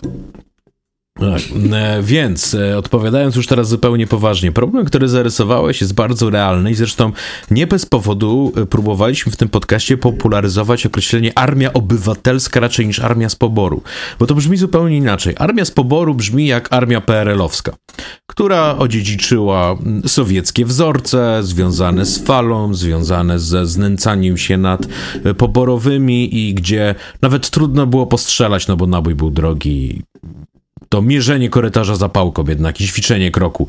To były absolutne priorytety. No nie tak wygląda armia z poborów w Finlandii, czy w Szwecji, czy w Szwajcarii. To tego powinniśmy mieć świadomość. Nasze wzorce powinny być zachodnioeuropejskie, a nie mm, z dawnego bloku sowieckiego. Natomiast obywatelskość tej armii powinna się wyrazić w jeszcze jednej e, rzeczy i to byłoby właśnie owo kształtowanie postaw. Otóż chcielibyśmy uzyskać efekt, który, o który się marzy mm, obecnemu francuskiemu rządowi. Ostatnio o tym napisałem parę słów dla, dla polityki, więc to się niebawem powinno ukazać drukiem. Mianowicie we Francji taką okrężną drogą się przywraca służbę wojskową. U nas to by trzeba było zrobić tak samo. To znaczy wprowadza się tak zwaną powszechną służbę narodową. Ona, może, ona ma po części charakter wojskowy, a po części taki stricte obywatelski, czyli można pomóc w hospicjum, można pójść pracować do szkoły, uczy się na temat wartości republikańskich, trochę takiej dobrej propagandy propaństwowej, trzeba wysiedzieć przy tym wszystkim. No i docelowo od 2027 roku po prostu matury nie dostaniesz jak tego nie odbędziesz. Natomiast idea jest taka, żeby ludzie bez względu na przynależność klasową, bez względu na pochodzenie etniczne, bez względu na wyznawaną religię, trochę sobie posiedzieli w tych koszarach ze sobą. Trochę tam się razem e, poczołgali w błocie, e, trochę razem posiedzieli na lekcjach z e, tam historii Francji, patriotyzmu i tak dalej, żeby wyszli z tego doświadczenia jakoś odmienieni, żeby zrozumieli, że mają ze sobą dużo więcej wspólnego, żeby nawiązali kontakty, które przecinają różnego rodzaju podziały etniczne, religijne czy klasowe. Zresztą dokładnie ta sama motywacja przyświeca temu rządowi przy eksperymencie związanym z przywracaniem mundurków. Mm, logika może uchodzić za zachowawczą, ale argumentacja jest taka republikańsko-lewicowa, czyli że to jest egalitarne w swoim zamierzeniu. No i my również może zaczęlibyśmy jakoś powoli przełamywać hiperindywidualizm i egocentryzm istotnej części naszego społeczeństwa, wprowadzając tego typu rozwiązania. Podrzucam taką hipotezę mm, roboczą. A oszczędzilibyśmy sobie problemu, który mi się kojarzy z postawami właściwymi dla naszej szlachty przed wiekami. To znaczy, szlachta też nie chciała bronić polskiego państwa. Mogła bronić co najwyżej swojego folwarku, czy magnat mógł bronić swoich latyfundiów, prawda? W czasie potopu szwedzkiego zamojscy chwycili za broń, kiedy Szwed był pod zamościem. A jak płynęły miasta jakkolwiek na zachód i na północ od zamościa, to uważać, że to jest kompletnie nie ich problem. E, analogicznie szlachta nie chciała się opodatkować, żeby Polska miała armię z prawdziwego zdarzenia, ponieważ uważała, że król jeszcze użyje tej armii, żeby mm, wprowadzić władzę absolutną. I podobnie dzisiaj. Polscy, rozliczni polscy obywatele, mm, kiedy myślą o dużej i silnej armii, to nie myślą o armii, która będzie bronić granic, tylko boją się, że ta armia będzie wykorzystywana, żeby wprowadzić dyktaturę. No, przypomnę, jaka była narracja wokół WOT-u. Prywatna bojówka Macierewicza, która ma na celu terroryzować e, opozycję. Ale że tak? wojsko jeden... trzeba odpolitycznić w kierunku obywatelskim, to jest inna sprawa, która też nie podlega mm, dyskusji. Tak, bo... więc to, to moim zdaniem powinno też być elementem tej całej e, refleksji i jeżeli chcemy zacząć rozmawiać o tym, że trzeba nam e, kształtowania postaw obywatelskich, no to może jakaś forma przeszkolenia wojskowego połączona ze służbą E, publiczną, która byłaby obowiązkowa, ale w różnych formach mogłaby się realizować, zakładam, że byłaby dobrym krokiem, tylko tego rodzaju planu nie można wprowadzać z dnia na dzień. Czy jak nagle powiesz ludziom, że mają na pół roku iść w kamasze, to będziemy mieli rozruchy. No trzeba byłoby powiedzieć, że stopniowo, powoli będziemy tego rodzaju plany uskuteczniać i że dla każdego będzie w nich e, miejsce. Nie każdy musi biegać z bronią. Niech ktoś się przeszkoli na sanitariusza. W tym francuskim pomyśle na przykład jest to, że zrobisz sobie prawo jazdy. Za państwowe pieniądze, nie? No, jest jakiś A ty system masz, zachęt prawo też jazdy? budowany. Słucham? A ty masz prawo jazdy? Pytasz mnie o to po raz drugi albo trzeci. Tak? Zastanawiam się. Nie, bo tak, nigdy nie widziałem cię za kółkiem. Dobrze, to już po, to pominiemy to pytanie. Bo powiesz mi, którego live'a mam odsłuchać, gdzie odpowiadałeś na pytanie i się dowiem wtedy. Dobrze. Więc y, to, y, to byłoby moje przesłanie. Ja powiem tyle, że te wszystkie mądre rzeczy, które mówiłem e, o obronie cywilnej, obronie terytorialnej, mobilizacji społecznej, obronie totalnej. To nie jest też tak, że sam na nie wpadłem. Chciałbym tutaj e, pozdrowić i oddać głos e, przyjaciółce tego podcastu, dr Weronice Grzebalskiej, która w sposób dużo bardziej elokwentny i oczytany niż ja mówiła o tych kwestiach dużo wcześniej. Dawno się nie widzieliśmy, to jest świetna okazja, żeby przypomnieć, żeby e, zaprosić ją też i do nas i o tym porozmawiać w e, szerszym gronie. I e, z tej okazji też korzystając, przypomnę jej cytat z wywiadu sprzed e, o, chyba już blisko dwóch lat po inwazji Putina na e, Ukrainę po 24 lutego 2002 roku. Wywiadu, w, w którym wcale nie jest tak, że zgadzam się ze wszystkimi rozpoznaniami albo diagnozami, szczególnie dotyczącymi bieżącej sytuacji politycznej, natomiast na pewno zgadzam się z przesłaniem i zaobserwowaniem mechanizmów społecznych. E, I e, powołam się na jedną wypowiedź, którą, z którą was zostawię. Doktor Weroniki Grzebalskiej. Otóż Polska lewica lubi spoglądać w kierunku państw nordyckich, mówi pani doktor. I Szwecja, i Finlandia mają taką historię, w której państwo opiekuńcze i doktryna obrony totalnej były ze sobą bardzo powiązane. Badaczka epoki zimnowojennej Marie Kronqvist pisała, że w Szwecji gotowość obronna była silnie oparta na idei Folkhemmet, silnego socjaldemokratycznego społeczeństwa. W Finlandii z kolei kilka ważnych reform powojennych, np. reforma systemu emerytalnego czy zbiorowych negocjacji płacowych, było w debacie publicznej legitymizowanych właśnie solidarnym wysiłkiem wojennym społeczeństwa. Podobne intuicje przyświecały zresztą testamentowi Polski walczącej, o którym przypomina dziś w Polsce Partia Razem, a który mówił innymi o konieczności sprawiedliwego podziału dochodu narodowego. Um, ja reakcjonistą lewicy nie jestem, nie uważam, że musimy e, wracać wyłącznie do wzorców z przeszłości. Natomiast nie jest też tak, że jak są dobre wzorce z przeszłości albo tradycje, na które można się powoływać. I tutaj e, doktor Weronika Grzebalska, podobnie jak ty zresztą, też przypomina wielokrotnie i o brygadach strzeleckich PPS, i o brygadach biorących udział w powstaniu, i o bojowcach, i o e, wielu innych e, elementach takiej tradycji zbrojnej polskiej lewicy, moim zdaniem ma rację, obydwoje macie rację, e, a ja bym tylko to uzupełnił o y, po prostu bardziej współczesne y, konteksty i y, nowoczesne wizje też państwa dobrobytu, czy wpisał po prostu szerzej ten wojskowy kontekst w szerszy paradygmat wa walki o przezwyciężenie po prostu tyranii indywidualizmu, nie? Który, który doskwiera mhm. dzisiaj, dzisiaj Polsce i super byłoby, gdyby, gdyby ten dzisiejszy odcinek też był małym kamyczkiem w kierunku zainicjowania takiej debaty po lewej stronie polskiej sceny publicznej, bo raczej to, co wydarzyło się ponad rok temu w dyskusji o poborze, czy raczej na fali fake newsów o rzekomym poborze, było dowodem na to, jak dalece może pójść jakby antypaństwowy i w gruncie rzeczy antyspołeczny po prostu egoizm. Pytanie brzmi teraz, jak z nim zawalczyć. No, ja jako reakcjonista lewicy kłaniam się Weronice Grzebalskiej e, po staropolsku czapką do ziemi, bo był to naprawdę znakomicie wyrażony mm, sentyment, dobrze opisany i wyargumentowany. Tam dobrych Od cytatów jest więcej tego... oczywiście, no, mhm. jeden zdążyłem przytoczyć. No to już pierwsza lewskomendacja padła. Mm, ja od siebie mogę dodać, że kiedy mówimy o koncepcji obrony totalnej, to moglibyśmy ją równie dobrze nazwać obroną obywatelską.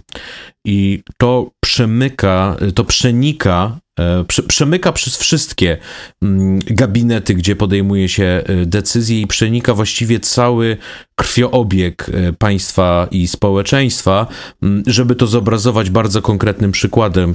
Wyobraźcie sobie, że w Szwecji, kiedy mm, udziela się E, pozwoleń i zapadają decyzje w sprawie tego, jak mają być budowane autostrady i linie kolejowe, to one są budowane również i e, przy założeniu, że mogą być wykorzystywane e, w czasie wojny z Rosją.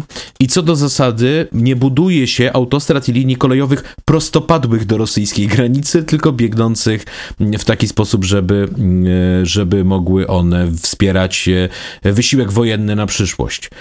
To jest taka logika, nigdy o tym nie mówić, zawsze o tym myśleć, tak? Zawsze wiedzieć, w jakim sąsiedztwie się znajdujemy i wszystko już planować z myślą o tym. E, I druga egzemplifikacja, w Sztokholmie jest schron e, zbudowany w czasach zimnej wojny, który jest w stanie pomieścić 22 e, tysiące ludzi mm, i w Szwecji szkoli się nie tylko poborowych, tam się szkoli ratowników medycznych, strażaków, nauczycieli. Po prostu w momencie, w którym dojdzie do wybuchu wojny, na przykład miasta będą bombardowane, chodzi o to, żeby byli ludzie, którzy powiedzą innym ludziom, gdzie mają się schować, w jaki sposób mają zadbać o swoje zdrowie, jak mają dopomóc w opatrzeniu rannych, albo co mają za sobą zrobić, jeżeli sami są ranni. Wojsko nie będzie już miało e, czasu ani przestrzeni, żeby się tym zajmować. Wojska Obrony Terytorialnej nie będą dość liczne i będą naprawdę poważnie zadaniowane na innych odcinkach, żeby się tym zajmować, a zgodnie z obowiązującym w Polsce prawem, wszystko to miałaby robić Państwowa Straż Pożarna, no więc wiecie, bądźmy poważni, ona by mm, absolutnie mm, musiałaby być najbardziej liczną strażą pożarną na świecie, żeby w ogóle zacząć marzyć o realizacji tego typu działań i, i z największym budżetem. Nie, tu trzeba wysiłku ogólnonarodowego w takiej sytuacji i naprawdę nie jest przypadkiem, że Armia Obywatelska weszła na arenę dziejów razem z rewolucją francuską, a w jakiejś formie mm, projektowej razem z rewolucją angielską. Jest to głęboko demokratyczna mm, idea, a nie głęboko zamordystyczna e, idea. Tyle ode mnie. Te mapy schronów udostępnione, udostępnionych cywilom są w ogóle online, ale ostatnio e, posłanka Wicha apelowała, w moim przekonaniu słusznie, żeby były także dostępne w aplikacji i w ogóle, aby ta wiedza została scyfryzowana w jakiś sposób e, użyteczny dla obywateli i kolejnych generacji, które no, nie będą, e, znaczy, które raczej będą w stanie podjąć się jakichś działań e, obronnych, czy w ogóle e, będą w stanie przyswoić jakąś wiedzę na ten temat, tylko jeżeli będzie ona w, w wygodnej postaci cyfrowej. A przykład Ukrainy też pokazał, że jest w tym jakaś większa wartość, jeżeli państwo ma cyfrową, e, ma w ogóle zdolność cyfryzacji usług i dostarczania tych usług w postaci niematerialnej i wiedzy w postaci niematerialnej w sytuacji kryzysowej. E, tak. Właśnie tu. E, tu do, dorzucę tylko, jest częścią o, estońskiej doktryny państwowej że Estonia jest bardzo małym krajem i bardzo mało ludnym krajem. Jest więcej warszawiaków niż Estończyków na tym świecie. W związku z powyższym Estonia napadnięta przez Rosję byłaby natychmiast zajęta i znalazłaby się pod okupacją. Natomiast e, e, elementem estońskiej doktryny jest to, że nawet Estonia podbita przez Rosję mogłaby istnieć dalej w cyberprzestrzeni. Jej ministerstwa, jej agendy rządowe, etc., mogłyby, jej przedsiębiorstwa mogłyby funkcjonować dalej w cyberprzestrzeni, więc tworzyliby rząd nie tylko i nie tyle na e, wychodźstwie tworzyliby rząd w sieci. Tak, chociaż y, ja cały czas jestem y, przeciwnym y, używaniu wyłącznie tej bezpośredniej, tego straszaka Rosji wyłącznie jako bezpośredniego motywatora do jakichkolwiek działań obronnych, bo wiesz, może być tak, że... Bo są też Niemcy. To jest ciekawy pogląd. Myślę, że jest w Polsce duże ugrupowanie polityczne, którego wyraża. Ja po prostu uważam, że spójność społeczna, pewne egalitarne instytucje i y, odporność tego społeczeństwa jest wartością sama w sobie i powinniśmy je kultywować nawet gdybyśmy nie byli sąsiadem Rosji, to po pierwsze, a po drugie widzę w tej debacie dużo hipokryzji, wiesz, naprawdę znam y, osobiście dużo ludzi, którzy są pierwsi do krzyczenia o rosyjskim zagrożeniu, ale sami by y, prywatnie nie kiwnęli palcem, żeby się na tę okoliczność ubezpieczyć. O, to mogę ci wyposażyć w znakomity kontrargument dla tego typu ludzi. Ludzie w Polsce kochają wrzucać tą mapkę, czy umarłbyś za ojczyznę i ile procent tak odpowiedziało w poszczególnych krajach, prawda? Jest taka mapka, ona zrobiła dużą karierę w mediach społecznościowych. Otóż ja proponuję nałożyć na tą mapkę drugą mapkę. Na ile armia w danym kraju ma problem z pozyskiwaniem ochotników do wojska? I wychodzi niemalże odwrotność. Znaczy, te kraje, w których 20% tylko by oddało życie za ojczyznę, nie mają problemu, żeby pozyskiwać e, ludzi do służby wojskowej, a te kraje, w których połowa by już dzisiaj umierała, mają straszny problem z pozyskiwaniem ochotników. Dobrze, ale to jest spór, znaczy ja bym chciał go prowadzić, ale w dobrej tradycji tego programu, ilekroć umawiamy się, że zamkniemy się poniżej dwóch godzin, to przypominamy sobie o tym tak w okolicach e, 125 minuty. W okolicach trzeciej godziny, tak. tak. Znaczy, gdy już trzecia godzina się zacznie, to jest bezbłędnie, jest wiele dobrych tradycji, którym kultywujemy, ta również pozostaje nienaruszona. Stąd chciałbym krótko już, bo też słyszysz, że moje gardło za chwilę podejmie naprawdę bunt dość otwarty już e, i będzie w sposób jawny sabotować ten, ten dzisiejszy program i rozmowę. E, musi być temat Polski na koniec. Dokładnie. Zgodnie z dobrą tradycją tego podcastu. Dokładnie. To ja biorę do ręki kubek gorącej herbaty, raczej tego, co zostało mi z gorącej herbaty, a ty rozwijasz temat numer 3. Tak jest. No więc kiedy rozmawialiśmy, przygotowując się do tego odcinka, o tym, że musimy trochę porozmawiać o tym, co się wydarzyło mm, w Ajole i e, o tym, jak sobie radzą e, kandydaci do amerykańskiej prezydentury i czemu Trump jest na fali wznoszącej, mm, no to stwierdziliśmy, że szkoda by było e, w ogóle nie odnieść tego do kontekstu polskiego. Mm, bowiem e, nie tylko, że nasze społeczeństwo jest żywotnie zainteresowane tym, kto wygra wybory w Stanach Zjednoczonych, ale powiedziałbym wręcz, że pewne z najbardziej kluczowych e, pytań, przed którymi stoimy jako wspólnota polityczna, rozstrzygną się nie tyle w Warszawie, ile w Waszyngtonie. Dzisiaj się mnie i mają analogie historyczne, więc użyję jeszcze jednej i to totalnie obrazoburczej. Mm, spór e, chociażby między mm, Stanisławem Leszczyńskim a Augustem Mm, Wettynem nie został przecież rozstrzygnięty w Polsce. Został rozstrzygnięty w ten sposób, że jeden z nich był człowiekiem Szwecji, a drugi był człowiekiem Rosji. I to zwycięstwo Rosji zadecydowało o tym, kto będzie w Polsce królem. I podobnie w PRL-u mm, nie zrobiłby kariery e, Władysław Gomułka, gdyby wcześniej nie nastał Chruszczow, nie zrobiłby kariery e, Gierek bez Breżniewa, który za Gomułką nie przypadał, a za, z Gierkiem było dokładnie odwrotnie. Potrzebował protekcji Ustinowa i Andropowa Jaruzelski, etc. Mm, no i e, zdajemy się nawiązywać do tych czasów słusznie minionych dzisiaj, kiedy mm, polscy politycy szukają protekcji w Waszyngtonie i kiedy przekonują swoich własnych zwolenników, że nic się nie bójcie, bo nasz człowiek jest teraz w Białym Domu i on nas obroni, a z kolei ta druga strona mówi, nic się nie bójcie, bo tamten już jest na wylocie, przyjdzie nasz człowiek i on nas e, obroni. Mm, drwiliśmy już z tego mm, a propos zdjęć, które wrzucało Ministerstwo Sprawiedliwości i minister Bodnar, no to dla równowagi, dla symetrii, żeby użyć e, właściwego określenia, chyba musimy trochę podrwić z tego, że największa z partii opozycyjnych, czyli PiS, e, z kolei wierzy w to, że wystarczy, aby Donald Trump wrócił do Białego Domu i już wszystko będzie e, dobrze, ponieważ da on carte blanche wszystkiemu, co PiS chciałby zrobić i ponieważ będzie on rządził Ameryką w taki sposób, że wszystkie i ich i nasze problemy zostaną rozwiązane. Czym właściwie to się nam rzadko zdarza, w tej jednej krótkiej wypowiedzi zamknąłeś temat i zrelacjonowałeś zasadniczy dylemat, e, który chcieliśmy tutaj przybliżyć, bo dokładnie tak jest. Ja szukając odpowiedzi, e, dlaczego mm, Właściwie obydwie strony sporu w Polsce idą dziś na tak e, bezpardonową konfrontację i nie znajdując odpowiedzi na to pytanie w żadnym logicznym porządku wydarzeń, e, znalazłem odpowiedź w porządku spiskowym, który i tutaj, nawiązuje do naszego niedawnego odcinka, okazał się być lepszym kluczem do wyjaśnienia rzeczywistości. Mianowicie pozostaje chyba skonfrontować się z faktem, że obydwie strony sporu w Polsce dzisiaj idą tak bardzo w zaparte i na totalną konfrontację, której ofiarą są w ogóle instytucje państwa polskiego i cała nasza spójność ustrojowa, ponieważ mają przekonanie, że w, gdy przyjdzie co do czego, w razie sytuacji naprawdę granicznej, znajdą poparcie dla swoich racji u zewnętrznego protektora, czyli w Waszyngtonie właśnie. To znaczy, dziś Platforma uważa, że ma mandat niebios, skądinąd chyba nie tylko uważa, ale wręcz go ma udzielony przez ambasadora Brzezińskiego, żeby mm, reformować wymiar sprawiedliwości. I prezydenta Bidena, którego ktoś wyrwał do odpowiedzi, czy popiera to, co się dzieje w Polsce i powiedział, tak, popieram. No i hajda. No Roma i, locuta causa finita. No i właśnie, no i właśnie.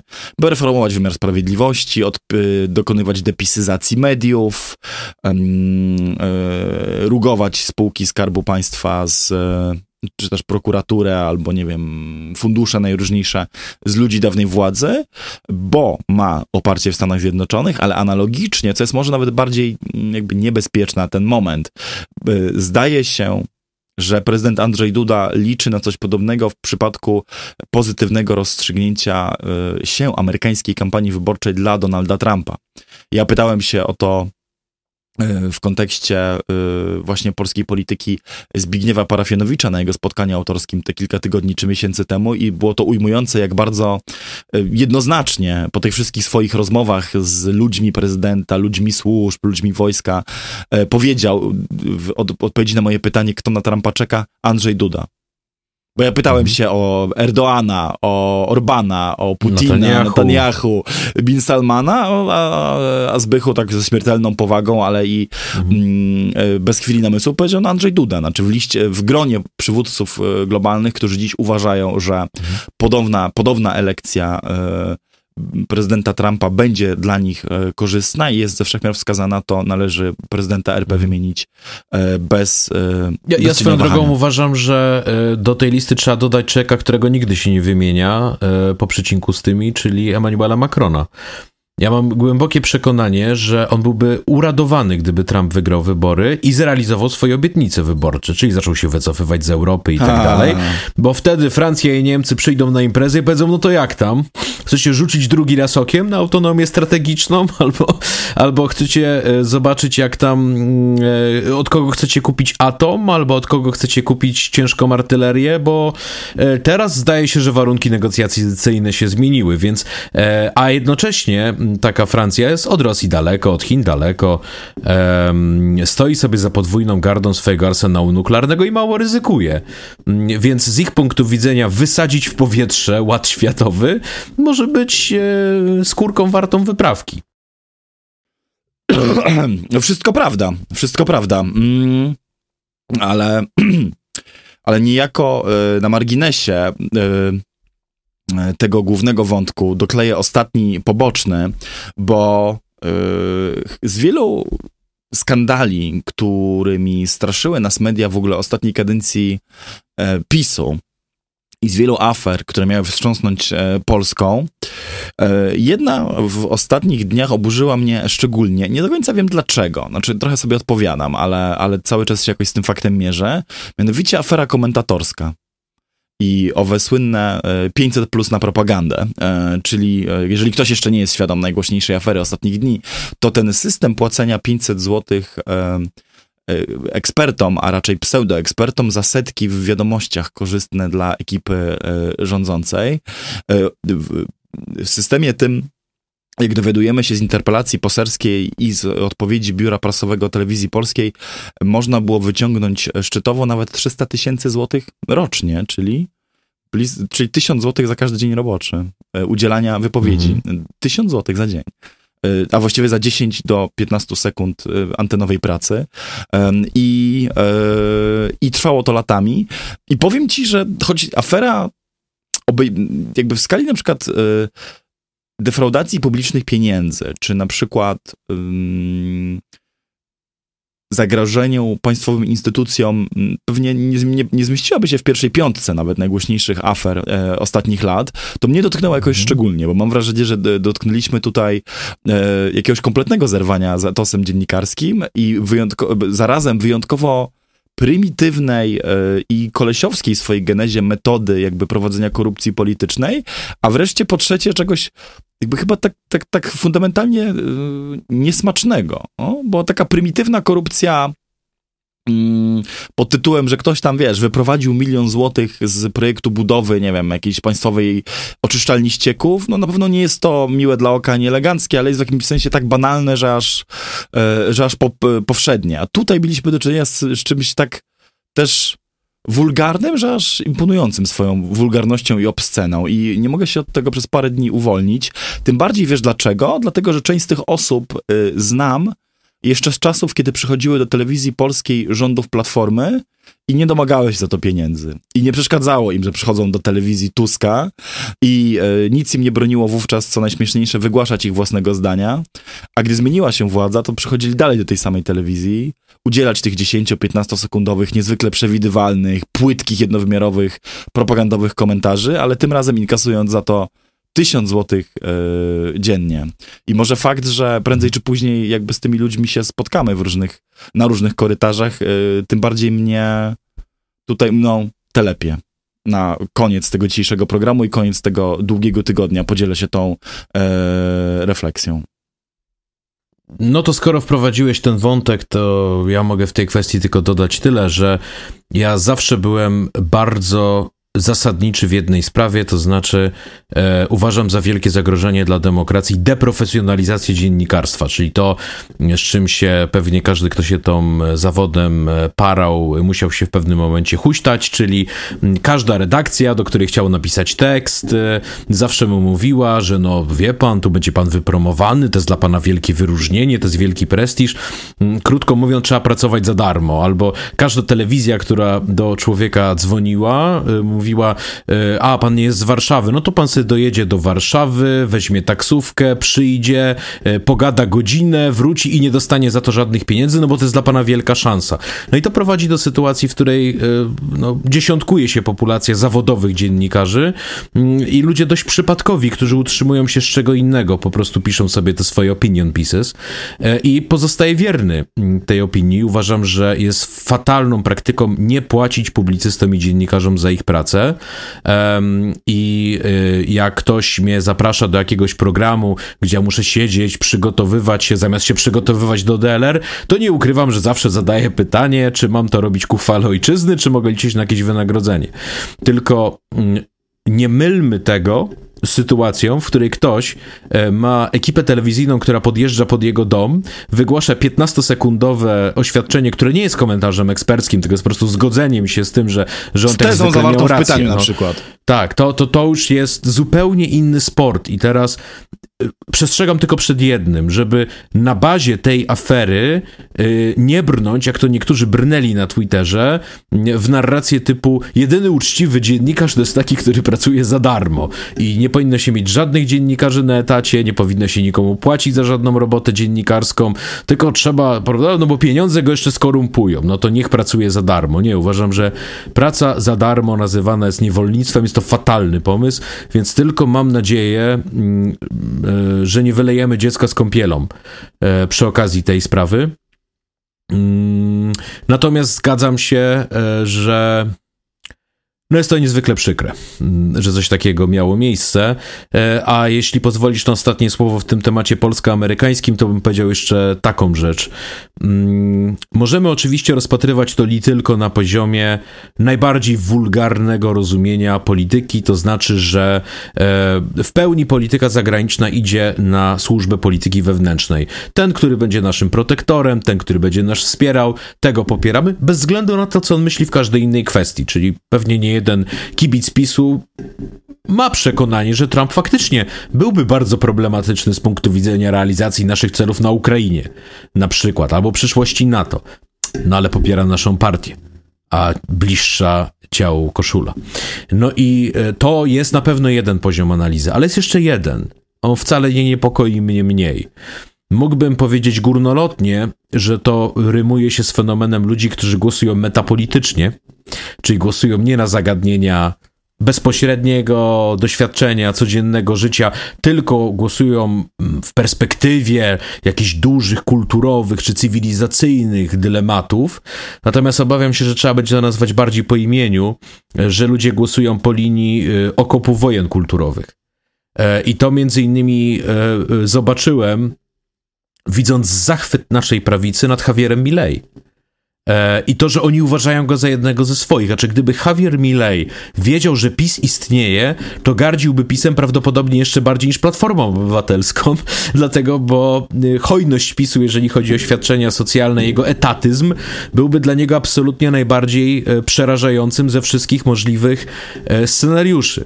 E, w związku z powyższym e, mamy do czynienia ze swego rodzaju depolityzacją polityki. Zagadnienia przestają mieć jakiekolwiek znaczenie, a jedyną rzeczą, którą ma znaczenie jest uogólnione wrażenie, czy tego człowieka da się zakwalifikować do naszego obozu. A skąd się to wrażenie bierze, co to wrażenie ożywia? E, to, co Amerykanie nazywają liberal tears, a to, co u nas się nazywa słychać wycie znakomicie. E, to znaczy w sytuacji, w której mm, e, ta druga strona jest, jest oburzona danym kandydatem, no to my natychmiast wiemy, że to jest swój człowiek. I jest to, e, jest to e, zjawisko, z którym moim zdaniem należy wszelkimi dostępnymi e, środkami walczyć.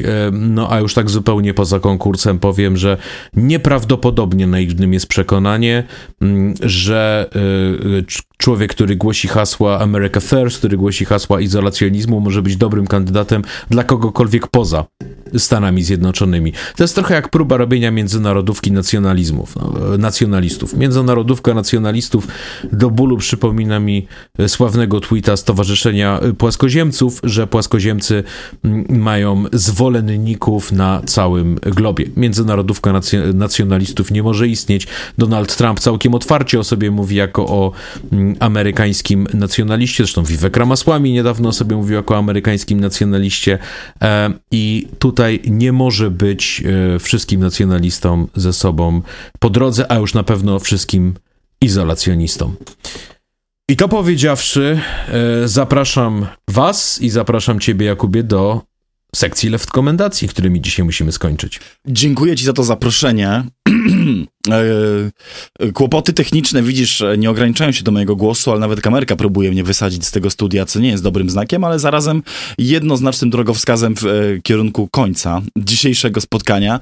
Więc ja powiem króciutko e, i egoistycznie. Rozmawialiśmy tyle o Trumpie. Chciałem polecić moją książkę Nowi Barbarzyńcy, wydaną przez wydawnictwo Arbitror w 2018 roku, która była moim autorskim podsumowaniem tej drogi po różnych prawicach minionej dekady i ich odkryć na temat prawideł polityki, populizmu, mediów i wojen kulturowych, które zaprowadziły, przynajmniej wtedy, w roku 17, e, globalną prawicę do jej największych sukcesów.